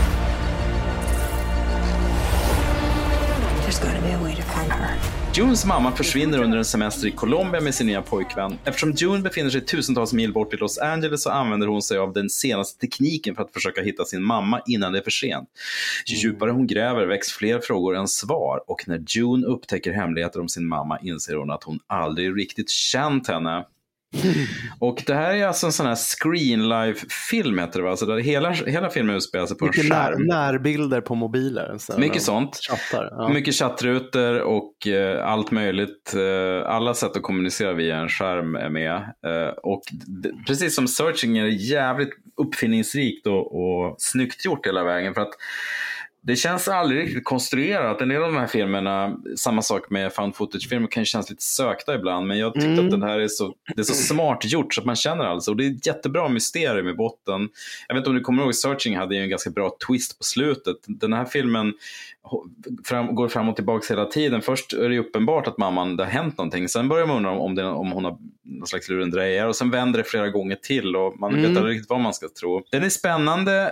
Eh, Det är jättebra final i den också och framförallt så är det en väldigt bra skådis. Det är Storm Reed, eh, skådis. Hon, hon spelar ju Riley då i, i The Last of Us. eh, Just det. Som var så Mm. jävla bra. Mm. Hon, hon har ju gjort lite andra grejer. Hon är ju verkligen up and coming. Hon var med i Invisible Man också häromåret. Hon var med i Suicide Squad. Hon var med i Mm. Nunnan 2 som jag fortfarande inte sett. Det är ju ingen brådska du. Nej, jag tror inte det. Hon Nej. kanske är mest känd för Euphoria. Skitsamma. Ja. Eh, missen kan, jag- kan jag rekommendera. Det är en liten, det är en liten dollis. Jag var nästan sugen på att ta den på um, årets uh, Doldis. För att jag tror inte så många har sett den här filmen. Men den, den går att strömma lite överallt. Och man behöver inte ha sett Searching för att liksom, uppskatta den. Men Nej, det är se- stand, stand-alone liksom. Ja, det är det absolut. Ja. Men se Searching också och se Missing. För att det, den ja, är... Searching ska man se. Eh, Mm. Den här kommer jag självklart att se. Jag tyckte Searching var väldigt Mm. effektiv. Jag effektiv. var väldigt glad överraskning. Jag Ja. tycker att den här var, var lika, lika bra. bra. Jag tycker det är så märkligt att, jag, att den här har gått mig förbi, att jag har missat det här. För det låter precis som någonting jag borde ha sett. Men eh, fan vad härligt att ha något att se fram emot. Ja. Eh, Tjuvkikar, jag ser att Shaquim de Almeida är med också som är Ja. en sån här riktig that guy, latino that guy som alltid får spela så här knarkkartell-boss och sånt Jag där. vet. Det, är det, är man har sett honom i eleganta kläder med en Uzi eller beordrar folk att mörda. Men här är han en ganska prillig eh, gubbe som eller han han är någon slags sån här bud som får kontakt med henne via Okej. Facetime och hjälper henne.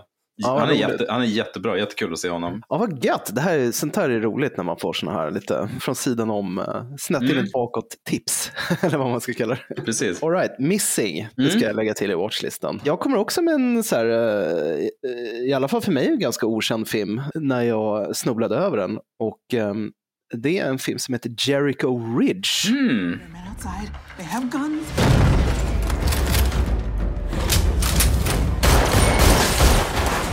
They're coming. Come on out and I won't kill the kid. Backup's on the way. We just have to hold out till they arrive, okay? Can we please stop bullshitting each other? Get down!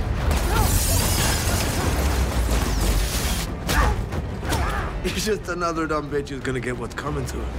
Ah! I said run, motherfucker! Step up! You take control of this!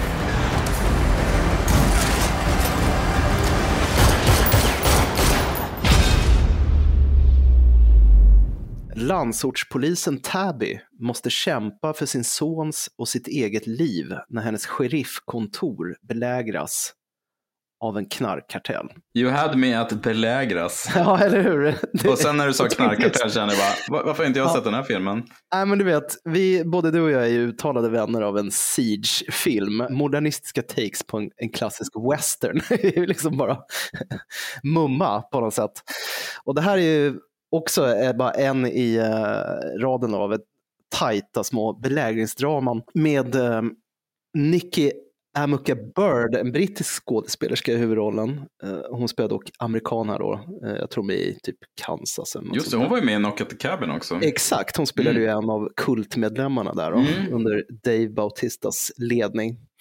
Här spelar hon då en alkoholiserad polis tillika eh, ensamstående morsa med en strulig son. Och det hör till saken då att hon har ett gipsat ben för att hon har typ Mm. brutit, brutit foten. Och samtidigt så måste hon då utlista ett par professionella mördare som eh, attackerar polisstationen tills förstärkning kommer från närmsta större samhälle. Nej, men den här filmen påminner lite om Cop Shop med Frank Grillo och Gerard Mm. Butler om du kommer ihåg den, fast utan då den här förmenta coolheten som den filmen eh, aspirerade på. Den men alltså, jag är så sugen på belägringsfilm så jag har suttit hela och hovrat så här, ska jag se om Cop Shop? Den var ju inte så jävla bra, men det var ändå mysigt så här. Nej men jag måste se något, nej men jag vill se Cop Shop igen. Ja, men då ska du se Jericho Ridge. Sir. Åh, För den här härligt. filmen eh, den bjuder inte på några konstigheter, utan det är bara spännande, våldsamt och välspelat. Åh gud, vilken dröm. Dessutom är det en easy breezy 87 minuter, vilket är perfekt för den här typen av film. Så ja, Jericho Ridge rekommenderas för uh, belägringsfans. Sign me up, ja, men den ska jag se. Mm. Ja, vad fint, jättebra tips. Nu är vi framme vid årets sillbälte, det vill säga årets bästa nordiska film. Ja, här är ju du överlägsen mig i vanlig ordning.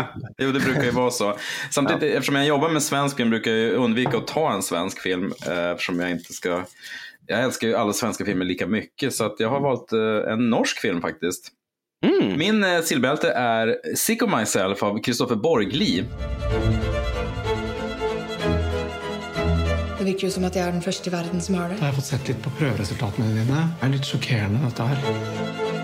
Kan ikke du ta et bilde av meg? Hva er det som bruker den til? da? Jeg skal legge det ut, så folk vet hva som har skjedd. Jeg ble ikke syk sånn uten videre. Det, det er faktisk noe jeg har gjort med vilje. Uh? Nei, egentlig ikke. Signe närmar sig 30 och den minst framgångsrika i sin krets. Särskilt misslyckad känner hon sig när hennes pojkvän plötsligt står igenom som artist medan hon själv bara jobbar på ett café. En olycka på jobbet får henne att fundera över ett potentiellt självförverkligande projekt. Det kommer snart att stå klart hur långt Signe ville gå för att återskapa sig själv. Det där mm. Friarts hemsida. En samtidskomedi som eh, fick en del kritik för att den var lite övertydlig och det är den väl, men jag tyckte den var väldigt, väldigt charmig. Framförallt är ju Kristine Kuja Torp då, som var med i Ninja Baby också, hon är fenomenalt bra i huvudrollen. Just det. Och det är väldigt roligt skildrad. Den heter Psyk Pike då eh, i original. Det är en, eh, det är en ganska jag-svag tjej som väl inte riktigt har hittat sin plats och som är, det är ganska tydligt att det är en drift med liksom hur, hur vi exponerar oss och hur, vi inte är någonting om vi inte får bekräftelse av andra människor via sociala medier. Då. Så hon mm. gör någonting som gör att hon får sympatier men eftersom allt är en bluff så blir det bara värre och värre. Så det är en, eh, en ganska dråplig komedi och tycker jag så här, men smart och rolig samtidigt satir också. Ja.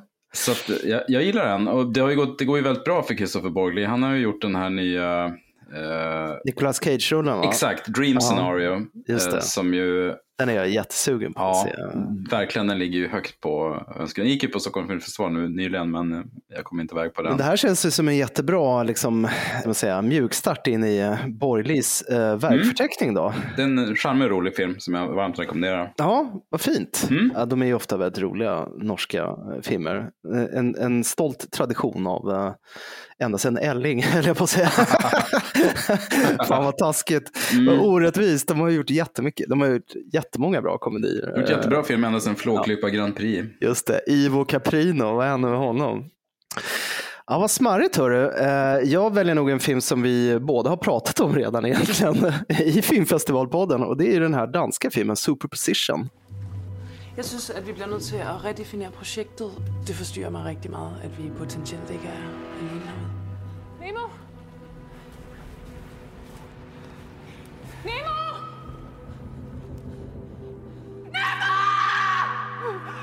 Hvad er det, der får? Hvorfor, hvorfor bliver han med at sige det der? Han forsvandt ud i skoven. Jeg skulle ikke sige til, at han opfører sig mærkeligt. Han er blevet traumatiseret, så. Det er ikke kun det. Der er helt galt. Han er ikke sig selv.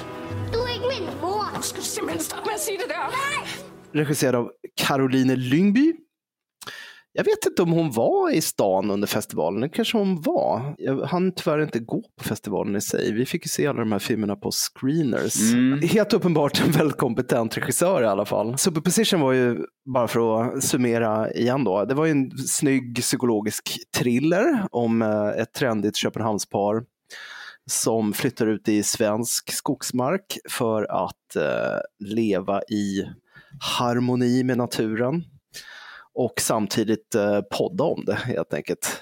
Jag känner lite stålar på kuppen. Gotta make that dollar. Eh, väl på plats så eh, knakar eh, deras relation i fogarna och deras liv tar en mörk vändning kan man väl säga när de stöter på ett par främlingar mm. med eh, bekanta ansikten. Ja, men vi var väl båda taggade på den här när vi pratade ja. om den senast. Det är ju en eh, snitsig skildring av ett moraliskt dilemma som sagt som håller upp en eh, ganska skoningslös spegel mot alla som upplevt en, eh, en mångårig relation.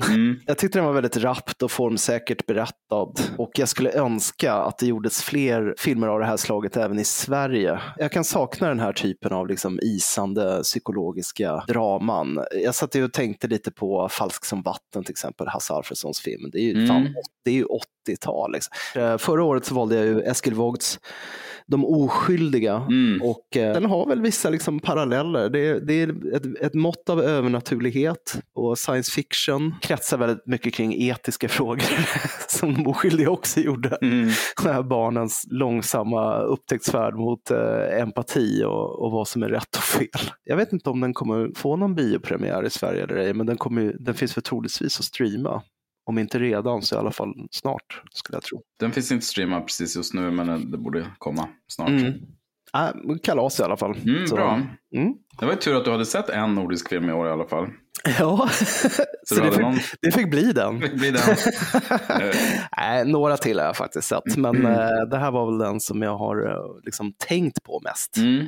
efter att jag har sett den. Så Mm. att, det, det fick bli min rekommendation. Jag håller med, den är riktigt bra. Mm. Apropå Danmark och Sverige, båda två ganska starka producenter av eh, musik. Stor Mm. exportvara eh, från Sverige. Segway man. Exakt, vi går in på årets filmmusik. Ja. Det var en ganska, en ganska haltande segway måste jag säga. Men... Du försökte i alla fall. Ja, jag försökte. Det var en ansats. Årets filmscore, eller soundtrack. Mm. Här var jag väldigt nära att säga att det borde vara Mark Ortons musik från The Holdovers, alltså Mm. Alexander Paynes nya film. Men jag har inte sett filmen än. jag har bara hört musiken. Mm. Så jag kan inte riktigt välja den för att eh, man måste liksom se musiken i sitt sammanhang. Mm. Ja, det, Eller höra musiken i sitt sammanhang, annars blir det liksom lite skevt. Mm. Även om jag älskar Mark Orton. Han gjorde ju musiken till Nebraska också, Mm. han blev väl Oscars-nominerad för den. Mm. Och så lyssnar jag faktiskt ganska regelbundet. Han har ju så här kammarspelsgrupp som heter Tin Hat som är väldigt bra. Men eh, årets filmscore för mig, det får ju ändå bli eh, Killers of the Flower Moon. Ja, bra. För eh, Martin Scorsese är ju som vi alla vet den obestridda kungen av needle drops. Och eh, det gör han med den äran i Killers of the Flower Moon. Då han tog hjälp av sin kompis Robbie då. Hans sista projekt, han dog väl typ Ja. några månader innan eh, premiären på filmen. Mm. Han, de, de, den är väl dedikerat till honom tror jag på slutet. Ja, for Robbie står det. Precis. Precis. Ja, nej, men, eh, Robertson han lyckades fånga Osage-nationens själ i sin musik. Mm. Den här har ju gått varm på min eh, Spotify-spelare. Och Robertson som själv hade rötter då i nordamerikansk ursprungsbefolkning, han tog sig an det uppdraget med eh, en stor ambition och levererade en väldigt vacker svanesång, måste jag säga, Mm. som är eh, Ja, men musiken är ju ömsom andlig och eh, aggressiv. De här eh, återkommande rytmerna, eh, Mm. trumrytmen och det här, alltså de, de har ett driv som Mm. troligen får filmen att kännas mycket kortare. Ja, men jag tror, än jag tror sina en knappa fyra timmar. stor del av filmen är, är just musiken. Det är jätteviktigt. Det är nästan, jag har svårt att föreställa mig en separation mellan filmen och musiken i Killers of the Flower Moon. Mm, nej, det är så verkligen. otroligt väl integrerat. Så att, hat off till, eh, till Robbie och eh, vi kommer sakna honom, helt klart.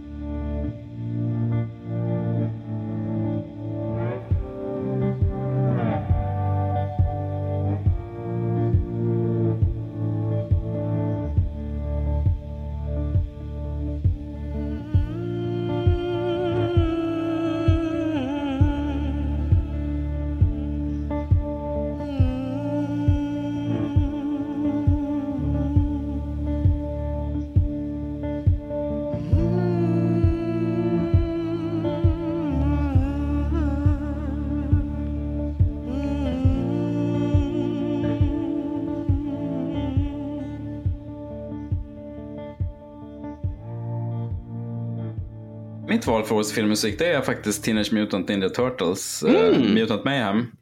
Dels, det är ju både ett otroligt bra score där av Trent Reznor och Atticus Ross. Eh, Trent Reznor är, är ju så himla flitig. Och jag tycker den musiken är så jävligt bra. Den är tight, den är otroligt drivande och den, den känns helt perfekt till filmen. Sen är det ju för oss eh, som gillar 90-tals hiphop så är det ett otroligt smarrigt soundtrack med M.O.P. och De La Soul och Old Mm. Bastard och Tribe Called Mm. Quest och lite Ja. sådana. Så att den, den, den, eh, är Man så blir- jag menar, apropå Needle Drop så är det så jävligt snyggt utplacerade de här låtarna som kommer Det gör, under mycket, filmen. det gör väldigt mycket för en film. Jättemycket. faktiskt. Den här filmen hade jag ju läst om att först såg jag trailern och tänkte, men gud, det här ser inget kul ut och jag har aldrig liksom haft någon, någon relation till det här franchiset riktigt. Jag har aldrig liksom läst serietidningar och tyckt att det här var viktigt utan jag har bara noterat att de här existerar. Så jag var lite tvekis innan jag gick och såg filmen men jag blev helt övertygad. Den är ju svinbra och jättebra manus, bra röstskådis, den är skitsnyggt animerad också. Det känns, den känns super, superfräsch. Och Ja. den var riktigt jävla bra och blev ännu bättre av den här svintajta musiken. Så att det, det är mitt val.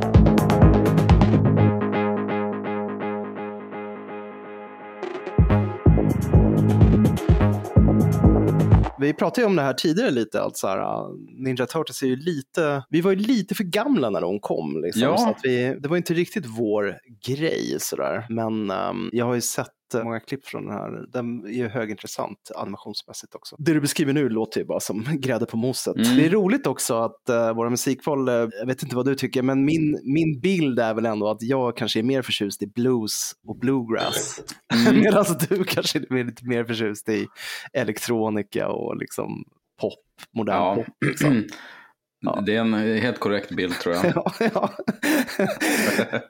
Ja. men det är kul med, med Finch och resten. De har ju verkligen varit profilstarka inom eh, filmmusik Ja. eh, de senaste ja, 10-15 åren. Mm.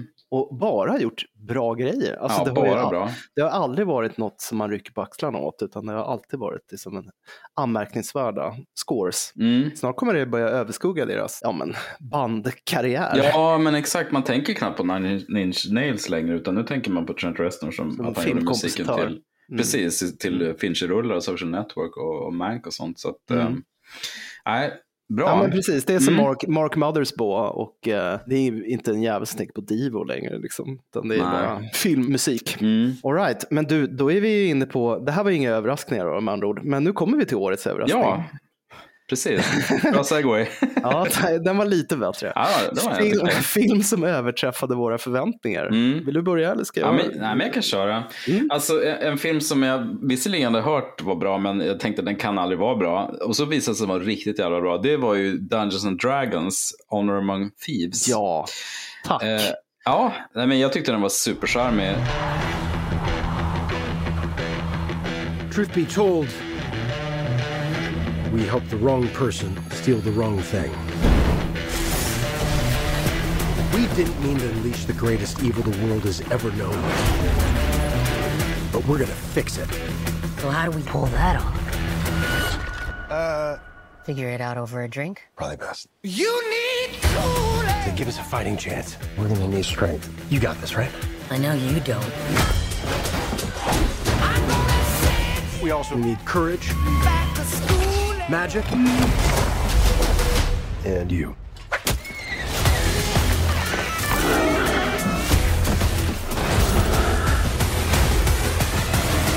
What is that again? It's an owl bear.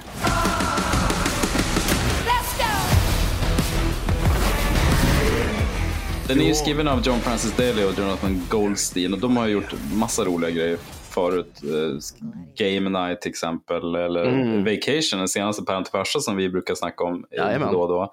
Mm. Och Spider-Man Homecoming och sådär. Okej, visserligen story då på, på The Flash, men det var inte, kanske inte deras fel att den inte blev så bra. Storyn var väl inte felet? Nej, exakt. Jag kan dra snabbt synopsis. En charmig tjuv och ett gäng osannolika äventyrare ger sig av på en episk jakt för att återta en försvunnen relik. Men det går farligt snett och de blir intrasslade med helt fel personer. Det här kändes ja, men lite som Battleship eller eh, alltså man, bara, man har ett IP och bara, men vi, vi måste göra en film av det här. Så, så blir det inget bra. Men, Mm. eh, eller World of Warcraft som jag visserligen inte har sett, men som jag föreställer mig kanske inte blev svinbra. Hur som helst, det här är ju en sån klassisk jättecharmig liksom, äventyrsfilm. Den har ju mer att göra med liksom, The Princess Bride än, än med de här filmerna nämnde nyss. Och Mm, ja, eh, verkligen. Jättebra cast också. Chris Pine är ju jättebra komediskådis. Han är grym, grymt rolig. Ja, det är han faktiskt. Michelle Rodriguez, till och med Justice Smith som jag brukar hata annars, är väl helt okej. Sofia Lillis, eh, Hugh Grant, gör ju, han, eh, han har ju glidit in att spela liksom, fjantiga skurkar nu på äldre dagar och han gör ju det så himla roligt. Så att, Ja. eh, han är grym. Han har ju verkligen fått en renässans som Mm. eh, säger det, plirig bad guy. Mm. Det det Vilket är med. roligt.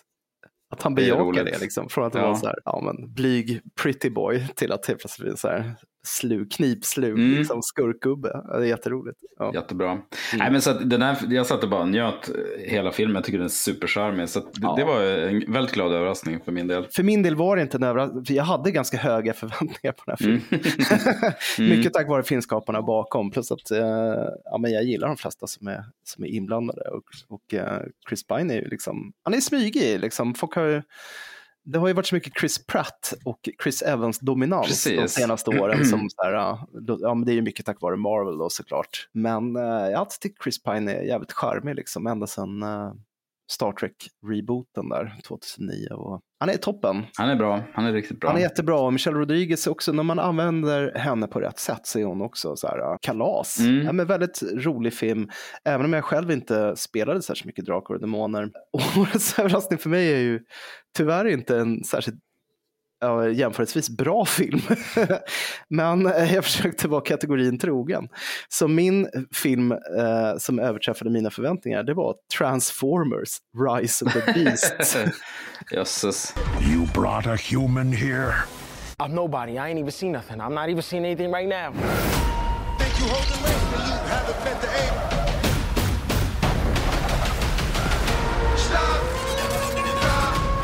This is not our war.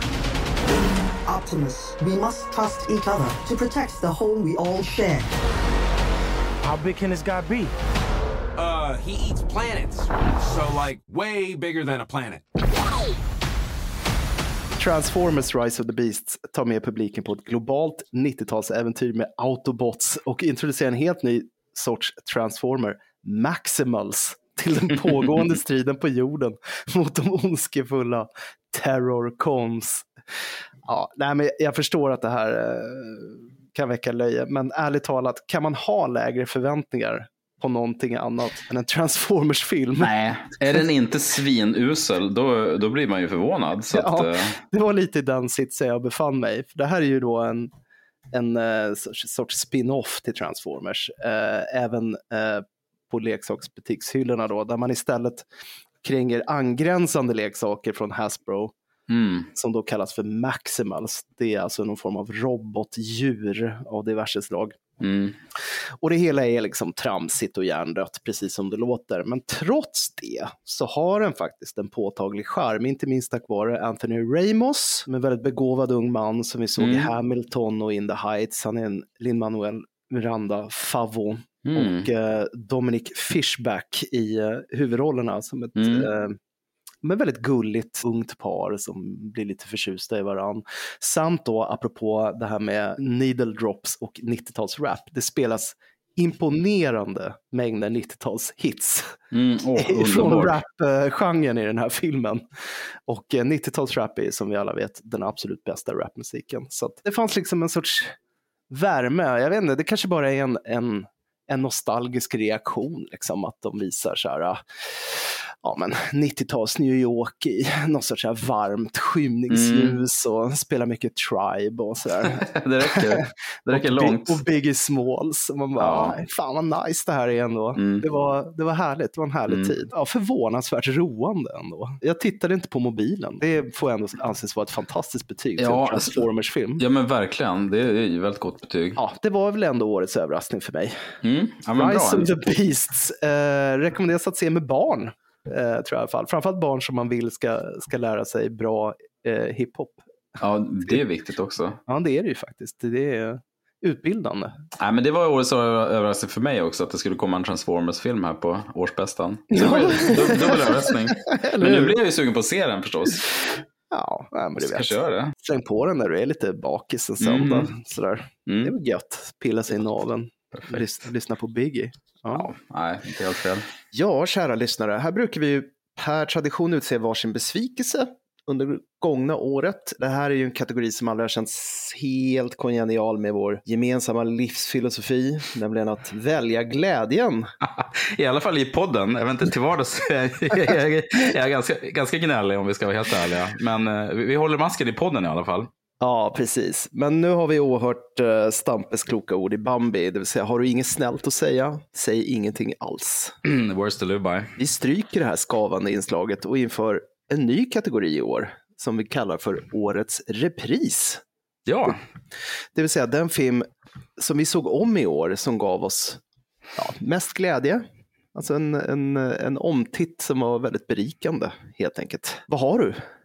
Nej, men jag tänkte välja en film som jag, när jag kollade på min logg i Letterboxd så såg jag den här två gånger förra året och två gånger i år. Eh, en gång i våras och häromkvällen. Oj. Eh, ja, och jag vet inte var, varför. Det är en sån här film som man kan börja titta på lite grann och sen sluks man in i det. Och, och häromkvällen var det för att min äldsta dotter var sugen på att se den och hon tyckte ju om den, vilket gjorde mig glad. Det är filmen Spotlight från 2015. Åh! I know there's things you cannot tell me. But I also know there's a story here, and I think everybody will hear about it. Do you think your paper has the resources to take that on? I do. Do you? The Boston priests molested kids in six different parishes over the last 30 years. The church found out about it and did nothing. We haven't committed any long term investigative resources to the case. No, we haven't. And that's the kind of thing your team would do. Spotlight? Guys, listen. Everybody's going to be interested in this. Obviously, the church will fight us very hard. trying to get some background information. I don't want you recording this in any way, shape, or form. Nothing. We understand you've settled several cases against the church. I can't discuss that. There aren't any records of any of these settlements. Nope. When you're a poor kid from a poor family, and when a priest pays attention to you, it's a big deal. Det här är ju journalistporr när det är som allra bäst. Och i, i korthet, eh, jag tror inte jag behöver dra synopsis, men det handlar ju om ett gäng på tidningen Boston Globe som i början på 2000-talet började nysta i ett gäng sexuella övergrepp som katolska präster hade utfört på olika barn i Boston. Och eh, de börjar nysta och det blir en större och större eh, grej och de blir motarbetade av eh, hela, ja, men, stora delar av både tidningen och samhället i stort och kyrkan som har en otrolig makt liksom, i, i, i samhället. Och det här är ju verklighetsbaserat. Det gjordes av Tom McCarthy som vi kommer ihåg. Han, han slog igenom med The Station Agent, kommer du ihåg den? Mm, Eh, absolut. Gammal fin indie-rulle. Sen har han ju haft ganska illuster karriär. Mm. Spotlight är ju hans eh, stora triumf. Den fick ju sex Oscars-nomineringar och vann för eh, bland annat bästa film och eh, bästa manus. Mm. Eh, ja, det Fantastisk eh, ensemble i, i Spotlight. otroliga skådisar. Mark Ruffalo, i they knew! Han har ju sitt, eh, sitt stora ögonblick där. Eh, men det är ju total skådisfest. Mark Ruffalo var ju nom- Oscars-nominerad, Michael Keaton, Rachel McAdams också Oscars-nominerad för bästa kvinnliga biroll. Borde vunnit. Det var Alicia Ja. Vikander faktiskt som vann över henne det året. Jaha. Men hon borde vunnit. Ja, men den här, the, the, vad heter den? The Danish Girl. Ja, Eh, just det. Den ja. Som jag faktiskt fortfarande inte har sett. Nej, orka. Nej, kommer du ihåg vad, vad sa Stampe nu då? Kommer du ihåg det? Ja, jag vet. Jag vet. Mm. Jag pudlar. Du dissar till och med en film du inte har sett, baserat bara på en känsla. eh, nej, men sen är det ju liksom, Liev Schreiber är jättebra. Det hade jag glömt. Att det, han kom in som den där Marty Baron som är ny chefredaktör, har kommit från Miami. Och, och han är inte lika insyltad liksom i, i Boston och i kyrkan. Så att han är ju lite mer orädd än de här murvlarna Mm. som är vana vid att nej, men allt det här, det blir aldrig någonting. Som någon redaktör lyfter det ganska tidigt i filmen, att 53 procent av, av läsekretsen är katoliker. De tycker inte om att läsa om skandaler inom katolska kyrkan, så att de Nej. jobbar ju hela tiden i motvind. Stanley Tucci spelar den här Garbidian, den här otroligt färgstarka eh, försvarsadvokaten. Just det. Mm. Han är alltid suverän. Men alltid bra. Billy Crudup, eh, Crudup, Crudup. och Guilfoyle eh, som är med i alla tv-serier. CSI-mannen. Mm, just det. Också eh, svinbra. Och, och så vidare och så vidare. Det är, det är så, ner i minsta biroller är det så jävla bra. Och jag, jag förlåt vad du skulle säga. Nej, jag tänkte bara säga att jag kommer ihåg att det var så mycket mm, det var ju så mycket prat eh, om den här filmen och autenticiteten, att de Mm. hade ju liksom satsat stenhårt på att de skulle verkligen se ut som journalister. Och så kommer jag ihåg att det hade läckt ut så inspelningsbilder på Rachel McAdams när hon hade så här hiskeliga kläder på sig som en typisk reporter har. Mm. Det såg så jävligt ut på henne så att de var tvungna att, att byta hela hennes garderob. Liksom, Underbart. det var inte acceptabelt liksom. Nej men jag är så, nej, men det, det är ju, hon har ju, de har ju normal, de ser ut som normala människor. De är klart, de, är ju lite snyggare än eh, eh, vanliga människor. Men eh, de, eh, det som är så härligt är att jag tycker alla spelar eh, ganska nedtonat. Ruffalo är ju den här eh, Mesendes som har eh, Resendes heter han. Han är ju så otroligt personligt engagerad, det är de alla, men han mer än någonsin. Så han har ju några sådana här grandstanding ögonblick när han kokar över och kör sin They Knew. Men annars så är det ju, man blir alltid varm när det är den här typen av rollgestaltningar som blir Oscarsnominerade. Ja. Inte att man har lös näsa och, och är halt och spelar, eh, men du vet. Debil eller? Ja, men Ja. eh, kör I am Sam eller Go Ja. full retard. Utan, Visserligen biopic då, men att det är ändå ganska normala människor. Sen är det ju en stor skop. Han har ju sagt Tom McCarthy att det han ville ut efter var ju inte att misskreditera kyrkan, utan det var att eh, ja, men visa på journalismens kraft. För det är verkligen en, en film som handlar om media, hur man kan använda den för någonting gott och viktigt. Och den utspelar sig precis i brytpunkterna också. Den börjar ju 2001 när internet börjar komma och annonsmarknaden börjar flyttas över och tidningarna, papperstidningarna får börja kämpa. Men i en tid när det fortfarande fanns tryckpressar och tidningar kommer ut och folk läser den på morgonen när den dunsar ner på, framför porten. Liksom. Så det, är- det är väldigt mycket sån eh, nostalgifaktor i den också. Sen läste jag att den, fick en, den blev Oscarsnominerad för bästa klippning också och jag läste idag att eh, de höll på att klippa den i åtta månader, vilket ju är jättelänge. Och det Mm. märks för att det är två timmar och sex minuter, men den känns som 45 minuter eh, ungefär. Den är sånt, det är en sånt jävla flow. Mm, det är ungefär som alla presidenter. Ja, men det är så otroligt bra driv, precis som alla presidentens män. Och jag, Klipparen sa att de, de tog bort fem nu vill jag ju se den här klippt bort för att jag gillar filmen så himla mycket. Men det, det blir ju ofta inte, det, det finns ju ett skäl till att de tog bort den här filmen. Den har ett jäkla driv och man kan också ana, för det är väldigt många korta, korta snippets när de sitter och möter offer. Jag kan tänka mig att många av de scenerna är borta. Han, han sa också att de, det var många scener de gick in lite senare och gick ut lite tidigare också. Det, det funkar jävligt bra, för det blir som ett otroligt eh, framåtdriv hela tiden. Så det är en, den är Mm. mästerligt eh, klippt. Ja, underbart. Och plåtar. Och otroligt bra musik av Howard Shore ska vi Ja, avslutningsvis säga också. mästaren. Ja. Mm. Lite osjungen kompositör tycker jag ändå, Ja, trots att han har faktiskt. gjort så fantastiska filmspår.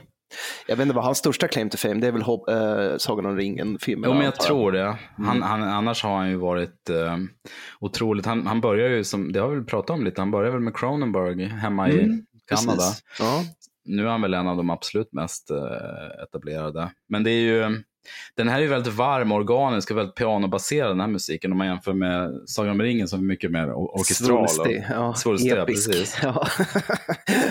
ja, men vad härligt, alltså, det är en sån Mm. fin eh, romantisk tradition också och um, gestalta den fria pressen som någon sorts eh, hjältar också. Det här, Mm. eh, de är sanningens uh, förkämpar. Ja men verkligen, och precis som alla bra, presidentens män. Mm. Ja, men, eh, så händer ju, det händer ju ingenting i bild så att säga, utan det, det är bara deras nystande och intervjuer med, med offrer och liksom hur de slår i arkiv och står och hänger på låset hos domaren och ska få ut eh, hemligstämplat dokument. Det är bara den här proceduren kring det som, är, som ändå blir så himla spännande för att det är så jäkla välskrivet och välregisserat. Oh, gött, jag måste se om den Mm. nu. Ja, men gör det. Fan vad fint. Ja. Ja, nej, men jag har väl mindre seriös uh, omtitt i år. En film från 95 som heter uh, Goldeneye. Oh! United Artists brings you, trust me, James Bond. Why can't you just be a good boy and die? That's one trick I've never learned.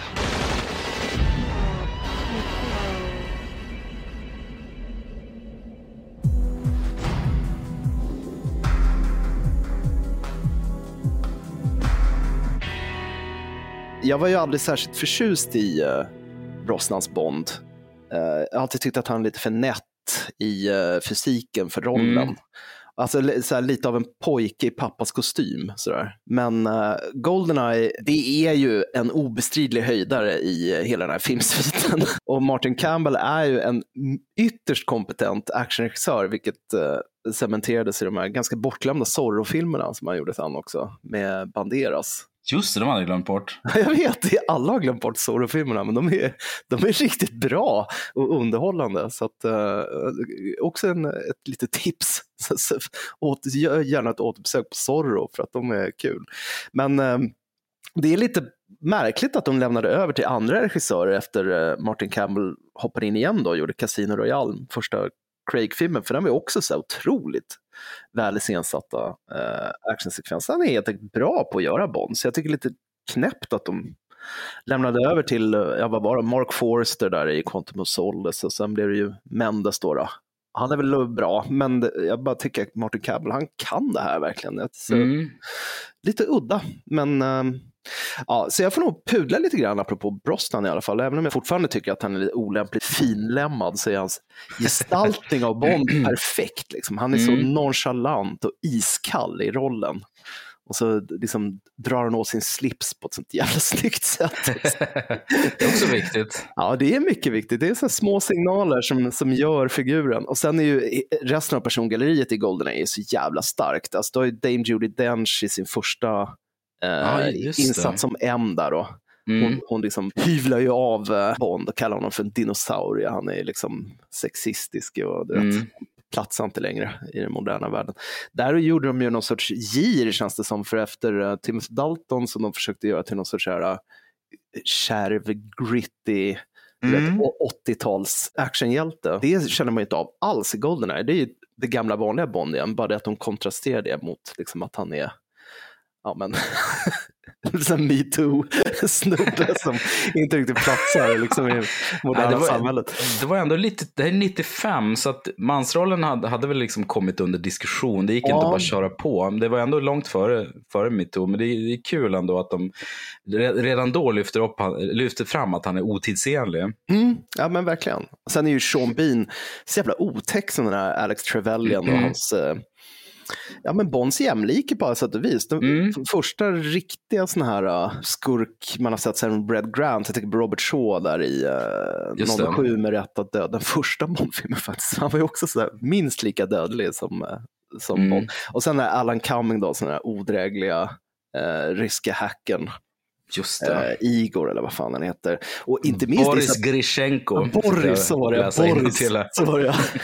mm. Och inte minst Isabella Skorupko som uh, jag minns som så här, ja uh, men du vet, vackert våp men inte mm. alls. Alltså, det är så här ovanligt uh, smart och resolut för att vara en Bond-tjej då. då. Mm. Natalia. Simonova eller vad hon heter. Det, äh, men hon var riktigt bra faktiskt. Jag, så här, jag kommer fan. ihåg vilken jävla grej det var att en mm. svensk mm. skådis hade, i och för sig det finns ju gammal fin svensk tradition med Maud mm. Adams och så vidare, men det var ändå en jävla grej att hon hade fått den här rollen. Mm. Nej men hon är toppen. Ja, och sen mm. får man ju inte glömma Famke då såklart som Nej. Senja Onatopp. ja, men det är roligt. Även om de ska ha lite mer woke James Bond så ja, kör de måste ändå, ändå in med Pussy Galore-vitsar. ja, uh, men hon, är så, hon, gör ju, hon fattar ju precis vilken film hon är med i för att hon, mm. är, hon gör ju den rollen så lustfyllt så att det, ja, hon, hon stjäl ju varenda scen hon är med i. Ja, och sen uh, man måste ge en liten uh, big ups till han um, Gottfried John som spelar den här ryska generalen. Orumov. Ja, han ja, just det. Han, Gud mycket han, sådana roller han. Han är som nidbilden av en rysk mm. general. Han är kalas. Otroligt så här karismatisk skådis också som man ser alldeles för sällan tycker jag. Men uh, mm. ja, jag blev så jävla gott humör.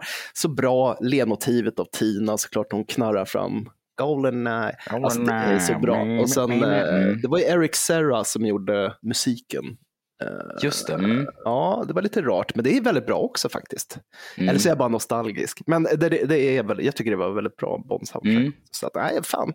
Det var, jag, blev, jag blev på supergott humör av att se om Goldeneye. Sen så bar det ju ganska snabbt utför. Alltså, det var ju det som var tråkigt för Brosnan, att ingen av de andra han gjorde levde upp till den här första, tyvärr. Nej, nej, det här måste väl vara hans bästa. Absolut, med hästlängder, den Mm. bästa. Alltså Die Another Day är ju, är ju en katastrof. Alltså det går ju Ja. knappt att ta sig igenom. Det är som den, den lökigaste Bond-filmen av dem alla.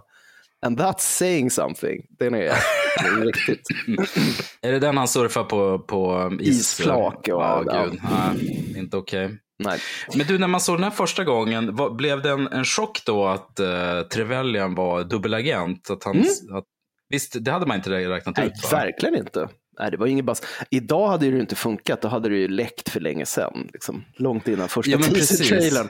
Men, eh, Men Sean Bean var ju kanske inte en sån jättekänd skådis heller så att man Nej. anade oro. Om det hade varit Sean Connery i den rollen eller, nej det var dåligt, vilket dåligt namn, det hade varit jättekonstigt. Men någon som den, Robert De Niro eller någon som var jättekänd 95 hade man Mm. kanske misstänkt. Det var lite han var med i början bara, skulle man förstått kanske. Ja, precis. Nej men jag minns att det var jävligt coolt just för att Bond William är ju nästan- Hart kanske, eller något sånt där. Ja man ju- men precis. Ja, mm. Bond är ju nästan aldrig parad med någon som är hans jämlike. Det är ju alltid bara sidekicks och så i, och för sig då en skurk. Så det var ju mysigt i början. Ja, de alltså de andra dubbelnollorna får man ju bara höra om. Att, att de antingen har dött eller hoppat av. Liksom, eller att, du vet. Precis. Man, det, var, det var väldigt uh, sällsynt att man fick se en i, in action. Så att säga. Mm. Det var också lite kittlande. Men eh, ja, Nej, men sen är det så knutet också till det här eh, Nintendo-spelet var ju så jävla bra också. Ja, just det. Mm. Ja, det jag tyckte var- det var så jävligt otroligt coolt. När man, när man ser det nu mm, så ser det just, det är ju det ser ju väldigt kul ut. Ja. För det är, det är verkligen superpixlar fyrkantiga gubbar med nästan som att man klippt ut ett ansikte och klistrat på. Ja. Det ser väldigt märkligt ut, men då såg det supercoolt ut. Ja, ja visst. Nej, det var så väldigt bra gameplay. Mm. J- jätteroligt. Ja. Nej, men så Goldeneye. Se, Har ni Amazon Prime, se om den. Alltså, den är, det är gött. Det var förvånansvärt gött. Ja, men vad fint. Jag, jag kan nämna att Spotlight eh, ligger på Netflix också, as Mm. we are speaking, så det är bara att dra igång den.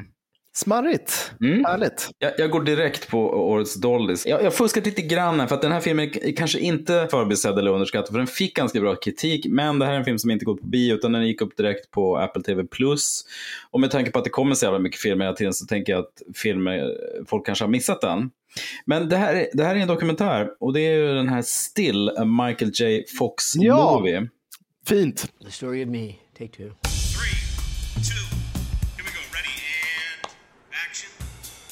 Wait a minute, Doc. Uh, are you telling me that you built a time machine out of a DeLorean? What did it mean to be still? I wouldn't know. I was never still.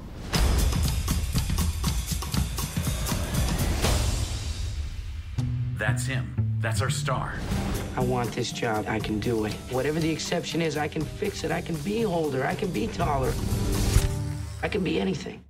The popularity of Michael J. Fox is a phenomenon. Here is Michael J. Fox. What is the secret of your success? And the winner is Michael J. Fox. I don't believe this. This is Det är helt enkelt en, en dokumentär om Michael J. Fox liv. Från att han växte upp och breakade till att han som ganska ung man fick Parkinson och hur han liksom idag hanterar sjukdomen. Och den, är ju, den är ju väldigt ärlig i det att eh, den, den väjer inte för att visa när han ramlar och snubblar och spiller och har, Nej. går på terapi, du vet, hos en sjukgymnast och sådär. Det är inte mycket fåfänga i den här Nej, filmen. väldigt lite. Den är väldigt ärlig på det sättet. Man får se hur han, hur han tragglar och försöker, liksom, hur han blir trött och hur han blir irriterad, att han inte, han inte liksom orkar. Det räcker ju ganska långt, men framförallt tycker jag att den var så otroligt snyggt eh, gjord. Hur de, har, hur de berättar hans livshistoria och gör liksom, får, väver ihop det med filmscener. Allt från Back to the Future till Doc Hollywood till alla hans filmer och gör det, klipper ihop det så jävla snyggt. De har gjort många sådana här reenactments. Fast ordet reenactment, du vet, det brukar man förknippa med taffliga dokumentärer.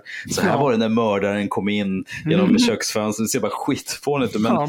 här, har du, det här är ju hö, hög budget och det ser väldigt snyggt ut. Och, du vet, kameran gör en tracking som bakom när han, han går genom en studio och så kommer han ut på andra sidan och då är det sättet då liksom på Back to the Future. Man, jag fick fan gåshud många, många gånger hur jävla snyggt det var.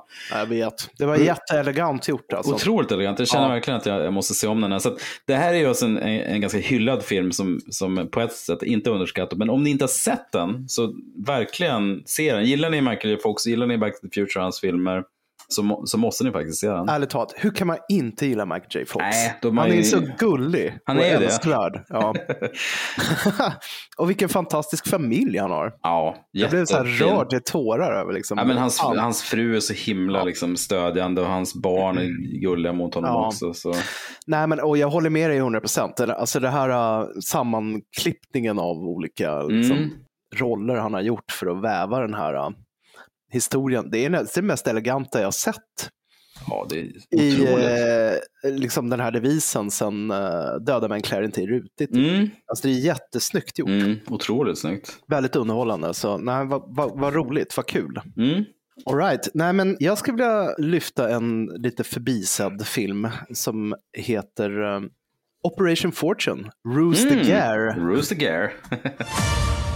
I have another job for you. So what we got? Greg Simmons. It's a billionaire arms dealer. Oh, a lot of very serious faces up here, aren't there? You can't catch this fish with conventional lures. I'm sorry? The lure being? Danny Francesco. The movie star. Greg Simmons' favorite movie star. And how do we get him? Blackmail. Who's the gear? Very good. Carry on. The world needs you for your greatest role yet. Who are you? I'm your new manager. There's a sensitive and awkward situation between you and your sister-in-law. I actually love my sister-in-law. Yes, Danny. You made that quite evident. When marimba rhythms start to play, No need to be nervous. No reason to be nervous. make me swing. They're all the killers. You're an actor. Act. Would someone pinch me, please? Is that Danny Francesco? What's next for you? I'm playing a mysterious self-made billionaire. Usel titel på en uh, underhållande film.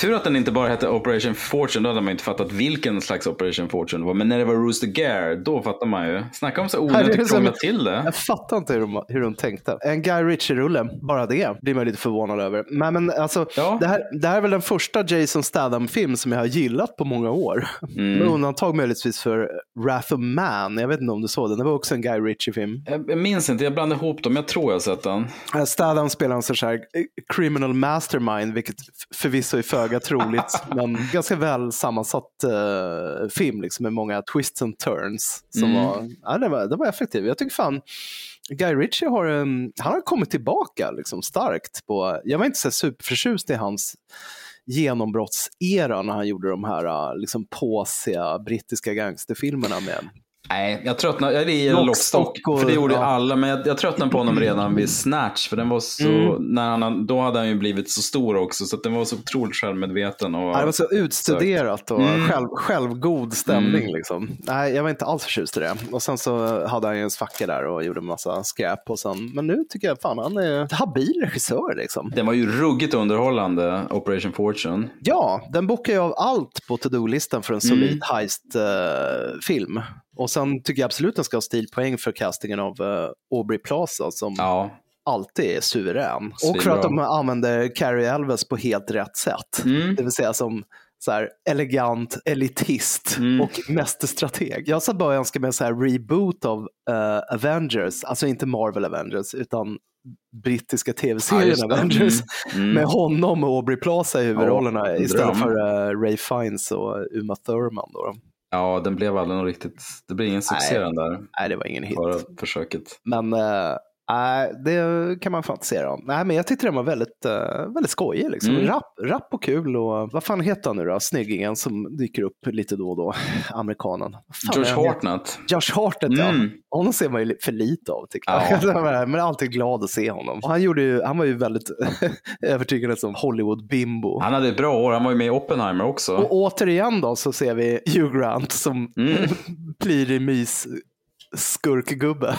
Han har annekterat Michael Caines roller på något sätt, Mm. fast han gör det med mer värme. För Michael Caine har alltid något så här våldsamt otäckt över sig ändå. Ja, precis. Men Hugh Grant kan ju inte vara riktigt otäck. Han har, han har liksom för varm utstrålning för det. Nej, men precis. Man tänker att det är ändå romcom med Ja. Hugh Grant som är där under Ja, någonstans. han, han har en så plirig blick liksom, som Mm. gör att eh, det, röjer honom på något sätt. Men, eh, ja, nej, men jag tyckte han var toppen i Mm. den här också. Så att, eh, ja, nej, det får nog bli Operation Fortune som eh, den mest förbisadda filmen i år. Bra tips. Men du, vad har du för årets feelgood då? Här var jag tvungen att tänka efter lite, men Mm. den film jag såg i år med högst mysfaktor, det var för mig Asteroid City. Mm. Och den vet jag att vi har pratat om. What do those pulses indicate? What? Oh, the beeps and blips? We don't know. Some of our information about outer space may no longer be completely accurate. Anyway, there's still only nine planets in the solar system as far as we know. Billy? Except now there's an alien. What's happening now? I don't know. I don't like the way that guy looked at us. The alien. How did he? How did he look? Like we're doomed. Maybe we are. I've just informed the president. How long can they keep us in Asteroid City legally? The world will never be the same. That's an alien doing jumpy jacks. That's an alien in a top hat. What's out there? The meaning of life. Maybe there is one. Are you married? I'm a widower. But don't tell my kids. You're saying her mother died three weeks ago? Let's say she's in heaven, which doesn't exist for me, of course, but you're Episcopalian. In my loneliness, I learned to give complete and unquestioning faith to the people I love. I don't know if that includes you, but it included my daughter and your four children. Sometimes I think I feel more at home outside the Earth's atmosphere. Oh, wow. Me too. They're strange, aren't they? They're children. Compared to normal people. Yes, that's correct. It's true. Mm-hmm. Asteroid City utspelar sig i en fiktiv amerikansk ökenstad cirka 1955. Cirka 1955. Agendan för en Junior Stargazer Space Cadet-konferens organiserad för att sammanföra studenter och föräldrar från hela landet för gemenskap och vetenskaplig konkurrens blir spektakulärt avbruten av världsomvälvande händelser från yttre rymden. Ja, alltså oavsett vad man anser om eh, Wes sätt att göra film, vilket vi har Mm. avhandlat rätt många gånger också, så är ju ändå hans estetik oförnekligt eh, trivsam. Absolut. Den här bjärta eh, färgpaletten och eh, de här modellhobbyistiska drömlandskapen och alla de här stjärnskådisarna som vällustigt gör eh, liksom ganska ironiska rolltolkningar. Det är ju för mig bara som en stor varm filt Mm. att svepa in sig i. Mm. Jag vet att du tyckte den var lite för artig, fartig sådär. Men eh, jag gillade ju på något sätt att han har lämnat all förankring eh, till, till linjärt berättande. Ja, och bara gör lite som man har lust. Mm. Vet. Det ser man allt för sällan nu för tiden tycker jag. När allting är så jävla mallat och liksom, eh, ja, algoritmbestämt. Så Ja. Jag vet inte, jag blev jävligt charmad av det Mm. faktiskt. Ja. Nej, men jag hade svårt att knyta an till det, men jag, tror att, jag tyckte att den, var, den växte på slutet. Jag tror att jag måste se om den helt enkelt. Jag Alltså, håller med dig om att det var ju många lager av meta. Liksom. Det, Oerhört var, mycket meta. det var ett tv-program om en pjäs om en, om en händelse. Alltså det var väldigt mycket. Liksom. Mm. Många så här, hopp in och ut. Det var liksom nästan som Inception, fast Mm. bra då. Nej, men det är, en- den är fröjd att se, precis som du säger. Han får ju alltid så fantastiska skådisar. Här var det ju Tom Hanks, liksom. både Scarlett Johansson och Jason Schwartzman tyckte jag var helt strålande båda två. Underbara. Ja, men bra. um, Liev Schreiber också, alltid Mm. solid uh, Ja, han är så bra. Gud, nu blir jag sugen på att se om Spotlight igen, fast jag sett den så mycket senaste året. Han kom in där som Steve Barron heter han tror jag, den nya Ja. chefredaktören och är bara så jävla bra. Just det. Även Maja Hawk är ju med också för övrigt. alltså, det. Ethan och Umas eh, begåvade dotter. Som, hon var väl på fe- filmfestivalen i år? Ja, precis. Hon var hade ju där med farsan. Ja, just det, han hade regisserat henne i någon film. ja. Mm, Precis. Ja, kul. Nej, Ja, hon- men bra. Ja, men, eh, bra. Högsta, högst, hög mysfaktor. Jättebra. Ja, men du, jag behövde inte tänka så länge. Det här är en film jag bara såg för några veckor sedan, men min absolut bästa feelgood-film, det är en film som heter Are you there God? It's me Margaret. Are you there, God? It's me, Margaret. I'm here to speak to you today about your changing bodies. The blood is released through the vagina. Please, just do this one thing for me. Let me just be normal and regular like everybody else. Just please, please, please, please, please, please, please. What I feel, I can't say. I've decided I want you to join my secret club. My love is a If you want to be in the club, then you have to wear a bra. Oh. Vid 11 års ålder flyttar Margaret till en ny stad och börjar fundera över allt möjligt kring livet, vänskap och tonåring. Tonåren. En tidlös berättelse om identitet, ens plats i världen och vad som ger livet mening. Mm. Det här är klassisk coming, coming of age.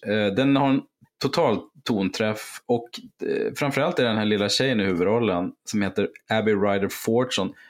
Hon är helt otrolig. Jag tänkte så här, vilket genombrott! Sen visade det sig att hon har ju spelat uh, Ant-Mans dotter då i, i, de- i två Ant-Man-filmer.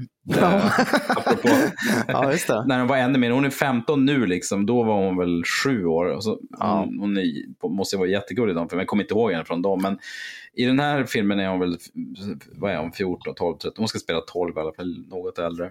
Nej, men det handlar, det handlar hon, hon hänger med ett tjejgäng som helt fixerade vid vem som först ska få första mensen och vem som först ska få liksom bröst. De tittar på killar. Hennes farsa då som spelas av eh, Benny Safdie, alltså uh, Safdie-brorsorna, Mm, är, är då jude medan mamma Rachel McAdams är, är katolik. Så hon, de har sagt att hon får välja då.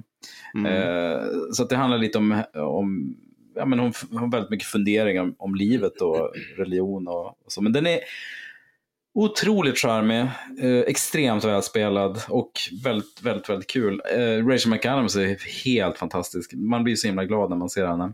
Mm, det blir man. Men, nej, men jättecharmig, jätterolig och det är, bara, det är bara att se den. Det är en av årets bästa filmer. Coming of age, det är Ja. liksom nästan automatiskt hög mysfaktor. Ja, men det brukar ju vara det. Då vänder vi på myntet då Ja, usch. och och går in på årets feelbad. Det blir feel bad. Årets mest fasliga eller ångestframkallande film. Mm. Och här, ja, alltså jag har ju, eftersom man ser mycket skräck då, då så fanns det en del att välja på. Men eh, det här kan ju vara recency bias, men jag väljer nog ändå, jag vet att vi båda såg att du kanske väljer den, men jag kommer nog ändå välja Hellhouse Origins. The Carmichael Manor. Ja, snyggt.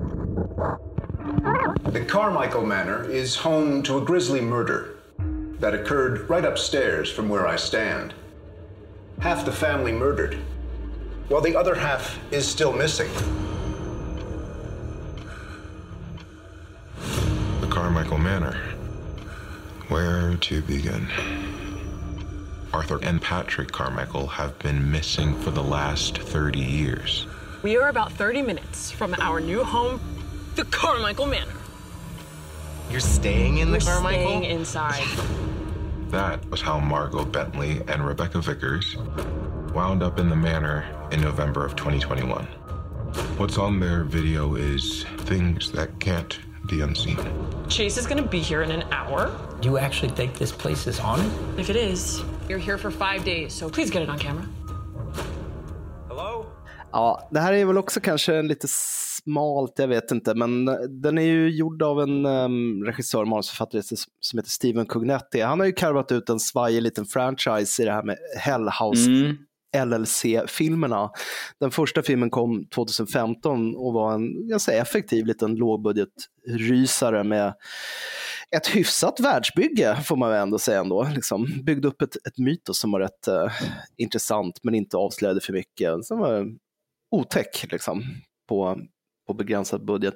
Sen så gick det ganska snabbt ut för med del två, framförallt del tre i berättelsen om, om det här hotellet och Abaddon Mm. och dess eh, djävulsdyrkande ägare eller hur det nu förhöll sig. Men i år så kom det då en spin-off och eh, den utforskar det här mytoset från ett annat perspektiv kan man säga. Den var ändå oväntat välgjord, välspelad och ryslig Mm. tycker jag. Och jag menar, jag har aldrig haft, det förekommer ju mycket clowner i Hellhouse, eh, LSD-filmerna och jag har Mm. aldrig haft clownskräck. Men jag måste ändå säga att Hellhouse clownmannekänger som dyker upp, de är ju liksom de här, den här filmsvitens signatur på något sätt. Så Mm. stora clowndockor. De ger mig faktiskt olustkänslor. Och eh, jag uppskattar också att de lämnar hotellet och ger sig Mm. ut i det fria lite mer. Ut i skogen och så här. Det är liksom, de har tagit några sidor ur eh, Evil Dead-franchisens strategibok, vilket var smart. Mm. Så eh, jag tyckte det här var en solklar klar uppryckning i, i filmsviten och är mm, försiktigt eh, optimistisk inför nästa inslag. För jag vet att det är en uppföljare på gång. Så det var lite otäckt. Han vet hur man eh, sätter skräck i folk. Det är ju inte jump scares utan det är mer så här eh, långsam uppbyggande Mm. obehagskänsla i hans filmer som jag uppskattar väldigt mycket. Det är ju jättesmart och otroligt läskig scen under ett Teams, eller ett Zoom-möte. Eh, som vi inte ska spoila. Mm. just det, fy fan, usch. Ja. Eh, Men när man ser en sån här film så, det handlar ju, för att det ska funka så det, det, det krävs att komma, man behöver inte uppfinna hjulet på nytt, men det, man måste ha någon idé, eller i alla fall så bra set pieces i det här found footage-formatet. Det finns ett par sådana som är riktigt läskiga. Mm. För de här clownerna är ju läskiga, man kan tröttna lite grann på så, åh nu har den flyttat sig lite grann. Men den, den hade några sådana scener som var så här skitsnygga. Mm. Nej, men jag håller med, det, det, jag tyckte den var riktigt ruggig, men jag fick de här små, små rysningarna. Och det är ju Mm. också så här, bara tanken på vara i det här jävla huset. Och att de här dockorna står helt stilla också, så tittar man bort och så tittar man upp, då har de flyttat sig lite grann bara. Så det är inte Ja. som att de attackerar en. Nej, Utan... det är bara antydan om eh, Mm. något illvilligt. Sen har ju saken också att de här amerikanska husen är alltid så jävla sterilt inredda. Ja. De har ju liksom ingen känsla för hur man gör my mysigt hemma, utan det är alltid de här tomma väggarna, Mm. alldeles för stora rum, med liksom någon soffa i något avlägset hörn och sen du vet, det blir så eh, kallt och otäckt allting. Ja, jag vet inte, det, ja, jag, tycker, jag tyckte den var, den var härlig. Vilken är din um, feel bad? Ja, men här valde jag mellan, också mellan några olika skräckisar. Det här var en film som jag först ratade för, för jag trodde inte att det var årets film. För den här gick upp i USA f- 2022. Mm. Ehm, men eh, vad jag förstått så, så är det här en streamingpremiär i år i, i Sverige. Och det är Resurrection. Mhm. Eh, psykologiska thriller med Rebecca Hall. Åh! Have you ever done anything bad? When I was young, I did something bad.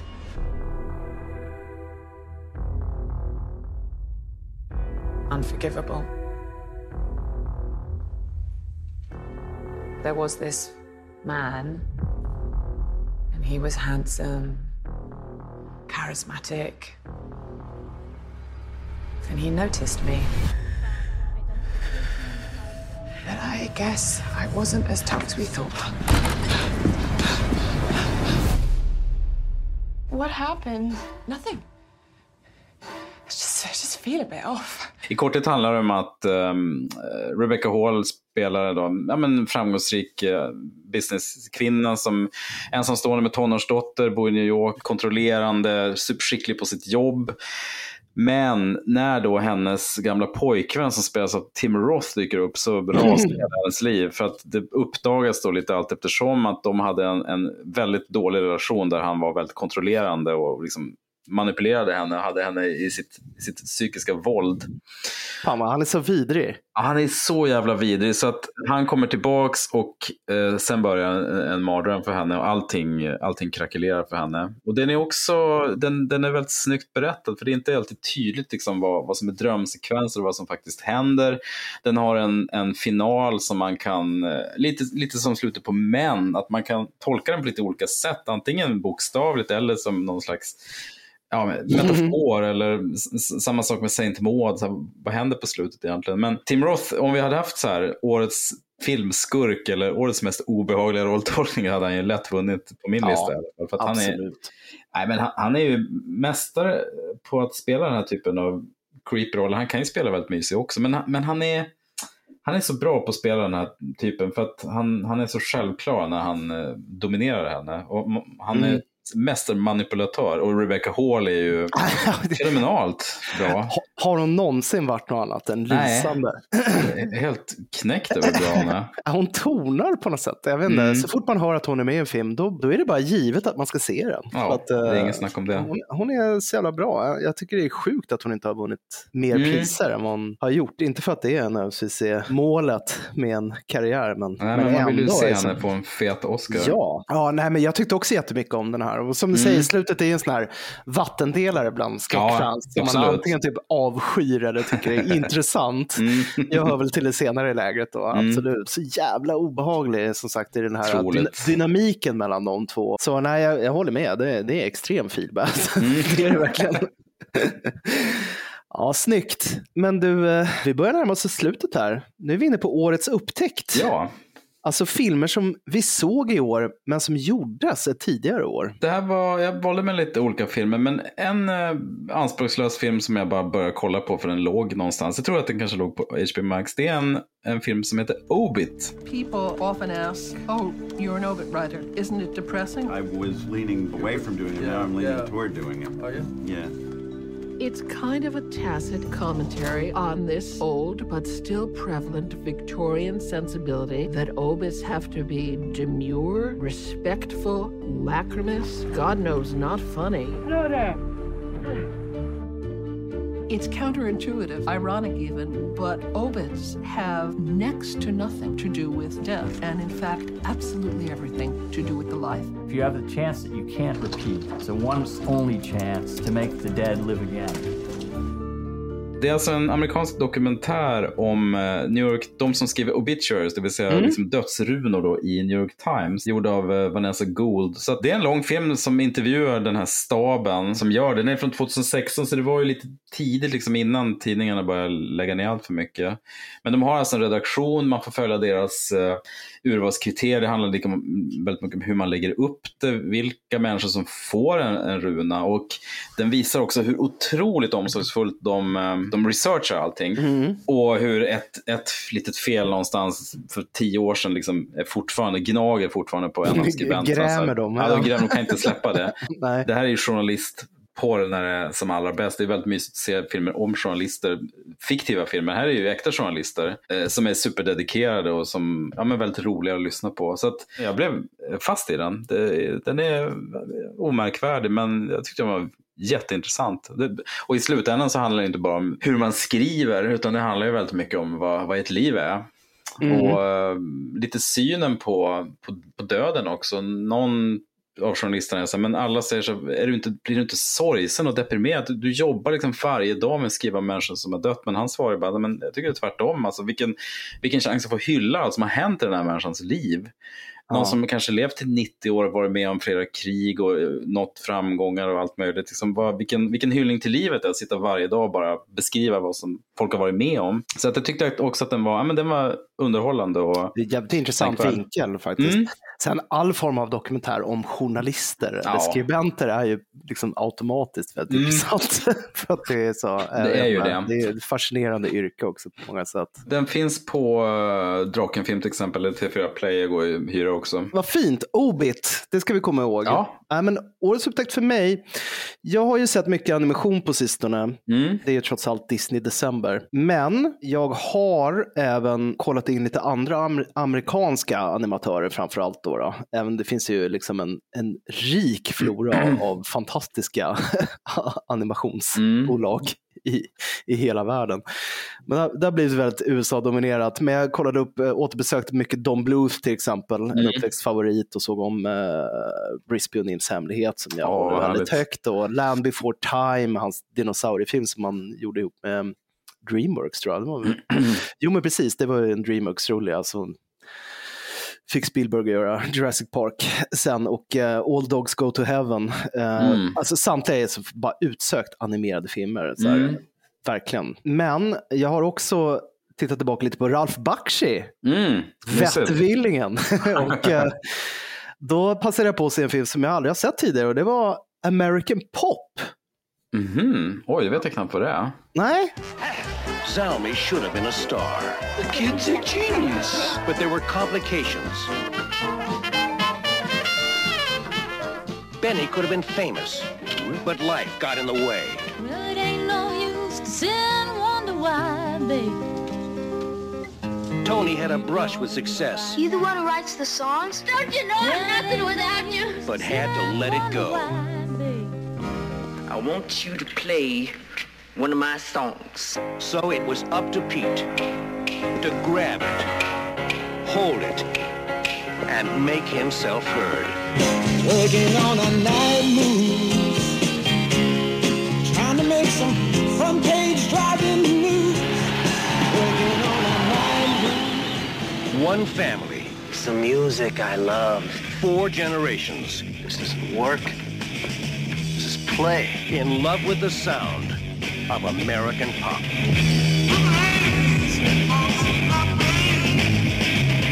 Ralph Bakshi, the creator of Fritz the Cat and Lord of the Rings, now takes modern animation a quantum leap forward.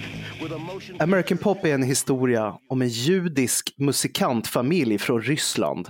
I fyra generationer berättas parallellt deras historia med den amerikanska populärmusikens historia. Så där är ju liksom i korthet en sorts färgsprakande släktkrönika som utspelar sig ja, men från slutet av 1800-talet fram till när filmen gavs ut, det vill säga mm, början av 80-talet. Och gemensamt då för alla personerna man följer under den här tiden i det här släktledet är att de har någon form av eh, musikalisk talang som eh, de inte riktigt lyckas ta vara på förrän den fjärde generationen då filmen slutar. Så att det är Mm. liksom en, en fascinerande resa genom nästan hundra år av, av USA. Och eh, jag vet inte, jag blev bara golvad av den här filmen. Jag tycker det var en väldigt så här, psykedeliskt animerad familjeskildring som kontrasterar ja, men, social misär med sprakande färgpaletten och, och en jävligt massa ikoniska musikhits som jag inte för mitt liv kan begripa hur han fick tillstånd att använda. Du vet, det är liksom eh, allt från Jimi Hendrix till liksom Bob Seger och uh, Mamas and the Papas. Det är sjukt. Jag fattar, med, med den typen av budget Ralph Bakshi jobbade med så känns det som att han måste bara ha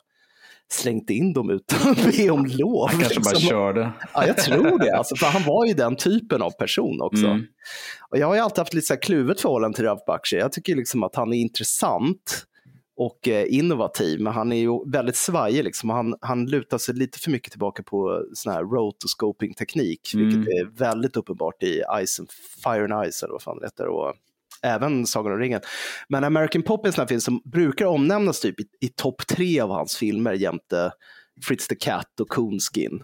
Mm. Men det var den jag aldrig har sett och nu fick jag äntligen se den i år. Jag tyckte den var jätteintressant. Vad härligt. Och, och bitvis utsökt snygg, alltså Mm. vacker film.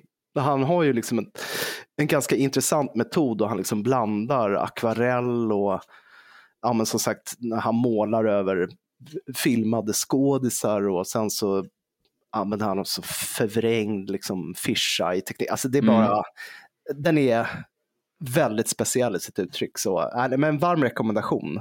Jag tror, faktiskt den, eh, jag tror den går att hyra någonstans faktiskt om jag, om jag inte minns fel. Men ja, kolla upp det. Annars går den att köpa på Blu-ray. American Pop av Ralph Bakshi från 1981. Då är vi på sista kategorin va? Ja, jag tänker att vi skrotar årets Amblin igen. Det har inte varit eh, något Amblin riktigt. Jag, jag nosade jag kan avslöja att jag nosade lite på Totally Killer som vi eh, båda Ja, har sett. just det. Just det. Mm. det. Jo, men det var ju några, kanske lite våldsam. Lite eh, våldsam, men jag tänkte också att, ah, vad fan, men Amblin var ju också lite, Mm, det var det. de, de var inte rädda för det lite våldsamma. Det var ju, det är en sån här grej, i USA så brukar man prata om Amblin kids, det vill säga Mm. folk i vår ålder, Mm. som hela tiden vill ha lite mörker allting. Att man, det får gärna vara lite mörkt. Lite Och lagom det, det, har man liksom, det kan man härleda liksom till Amblin och deras sätt att göra film. Och det är liksom Mm. att vi växte, växte upp med Gremlins och sådär. Att det, ska Mm. vara, det ska vara kul och det ska vara mysigt, men det ska också vara lite, lite mörkt, lite otäckt. Sådär. Ja, nej, jag vet inte, se vad det är, men det känns lite halvkrystat, så jag tänker vi skrotar Amblin igen i år. Ja, men vi Tyvärr. får göra det tyvärr. Det är, det är en jättefin Ja. kategori, men det är ju, det är ju Mm. inte synd att den inte riktigt... eh, Ja, men filmbranschen lever inte upp till vår kategori helt enkelt. Så den, den får vara lite vilande och sen så tar vi upp den när den blir relevant. Mm. Nej, så då, vi, som du säger, vi är på vår eh, sista kategori och det är ju årets filmdjur. Ja. Minnesvärd faunarepresentant. Mm. Vad har du? Vad har jag? Ja, men, eh, jag hade inte så många djur, eh, så att jag kommer välja eh, en björn. Och det är Jaha. björnen i Cocaine Bear. Ja, har du sett den alltså? Ja, jag har sett den. Vad roligt. Visst, den var ganska rolig. Den var kul. Det, här var ju en, det här var ju en film som var väldigt hypad innan den kom. Så, Åh, Elizabeth Banks, det handlar om, eh, det är en björn. Sen, Som, som, som sniffar kokain. Alltså, handlingen är väldigt enkel. Alltså, det är knarkplan som, som störtar. Eh, Det det hamnar knarkpåsar i skogen då. Ja. Och en hund käkar det och blir eh, galen. Och så dyker det upp eh, park rangers och tonåringar och poliser och de flesta eh, turister som spelas av Christopher Hivju bland annat. Och de flesta blir Mm. uppätna. Den är dråplig, väldigt mycket slapstick-våld, jättebrutal. Och det jag inte gillar, björnen är, eller det jag inte gillar, det är väl klart att det vore livsfarligt att ha en riktig björn. Om jag förstått rätt så är björnen helt och hållet datoranimerad. Så att björnen i sig har, har ingen jättestor personlighet. Men jag, jag tyckte filmen var så pass kul så att jag, jag tyckte ändå det var kul att ha med den. Eh, Det är väldigt, det är väldigt kul eh, skådisar också i den. Ja, men verkligen. Russell till exempel igen. Nej, men, eh, jag, jag hade jätteroligt åt Mm. den här filmen. Elizabeth Banks regisserade. så? Jag vet. Det, och Ja. Hon är ju eh, underbar. Henne har jag varit kär i flera år. Ja, verkligen. verkligen. verkligen. Eh, nej, men eh, hon var, eller den var jätteskojig. Mm. Det har aldrig, aldrig hört så mycket hype på en film bara baserat på titeln sen eh, Snakes on a plane. jag. Nej men exakt, det var ju verkligen så här, Cookie Bear! Och du kommer, det kom ju en massa memes där under, det, det pikade väl under två, tre dagar när man skulle göra crack, snake och heroin, eh, Ja. Aaron och, Ja, och ja. photoshoppade lite så här skojiga varianter på cocaine. En drog plus djur så blir det roligt. Nej men så jag, Ja, så jag tar den, Den- är ja, men, verkligen en bagatell men kul. Eh, En av Ray Liottes sista roller också. Ja, tyvärr. Kul att se honom. Ja, visst. Men ja. Nej, kanske inte den värdigaste filmen att sluta sin karriär med. Men, eh, Men, äh, men den var rolig och Mm. eh, ganska älskvärd björn. Trots att den är brutalt har ihjäl sig Ja. så många människor i filmen så är den ju Man- rolig, man gillar rolig att beskåda. Ja. Precis. Ja. De flesta som blir uppätna förtjänar ändå på något sätt. De är så Faktiskt. kla- klantiga så att eh, Faktiskt. Det är med. coming. Äh, mycket bra val. Mm. Mycket bra. Äh, men för mig får det nog bli den här äh, telepatiska hunden Cosmo i äh, Guardians of the Galaxy, volym 3. Jag väljer alltid hundar. Mm. Förra året var det den här ledhunden äh, Nerea i äh, Occhi Alineri, Argentos äh, Just det. eh, film. Nu, nu fick det bli Cosmo i Guardians of the Galaxy som, vad heter han, Sean Guns uh, Kraglin kallar för a bad dog. Och hon kan inte släppa det. Hon kan fan inte släppa det. Så här. Hon bara, ta tillbaka. Han bara, nej, jag tycker inte göra. Ända till slutet, vilket är en så enorm förlösning i sista akten. Att han Mm. till slut kallar henne a good dog och då blir hon asnöjd. De, de, vill ha, de vill ha kärlek, Mm. de vill inte ha kritik. Bekräftelse, man vill bara att man har varit duktig. Jajamän. Så att, så eh, nej, Cosmo, eh, mycket, mycket charmig, trevlig hund med härliga superkrafter. Ja men gud, jag, måste, jag har inte sett Guardians of the Galaxy 3. Nu ligger den ju där på Disney Plus så det är bara att se Ja. den. Jag måste göra det. Ska du se någon till Marvel-film så är Mm. det ändå den, känns det som. Mm. Det var ett tag som man var sugen på. Uh, Quantum Mania var nu senast jag såg och den var ju sån Nej. stoppa alltså. Ja, då, då kommer du få en trevlig överraskning. Åh, vad härligt. När du ser Guardians of the Galaxy. Bra. Gött. Mm. Ja, fan, då var vi klara. Det var det, det var, det var 2023. Vilken resa. Mm. I vanlig ordning så uppmuntrar jag våra lyssnare att ehm, skriva in sina egna årsfavoriter. Antingen i kommentarsfältet på Patreon eller uh, skicka oss ett mejl Ja, gjort. på uh, icapodcast.gmail.com eller vår Facebook-sida eller vår Instagram. Eh, alla medier är välkomna. Mm, så många kanaler. Men vi vill gärna höra vad ni tyckte var mest intressant. Eh, Alternativt vad ni tyckte om, eh, om ni har hunnit kolla på de filmer som vi lyfte i Ja men avsnittet. Mm.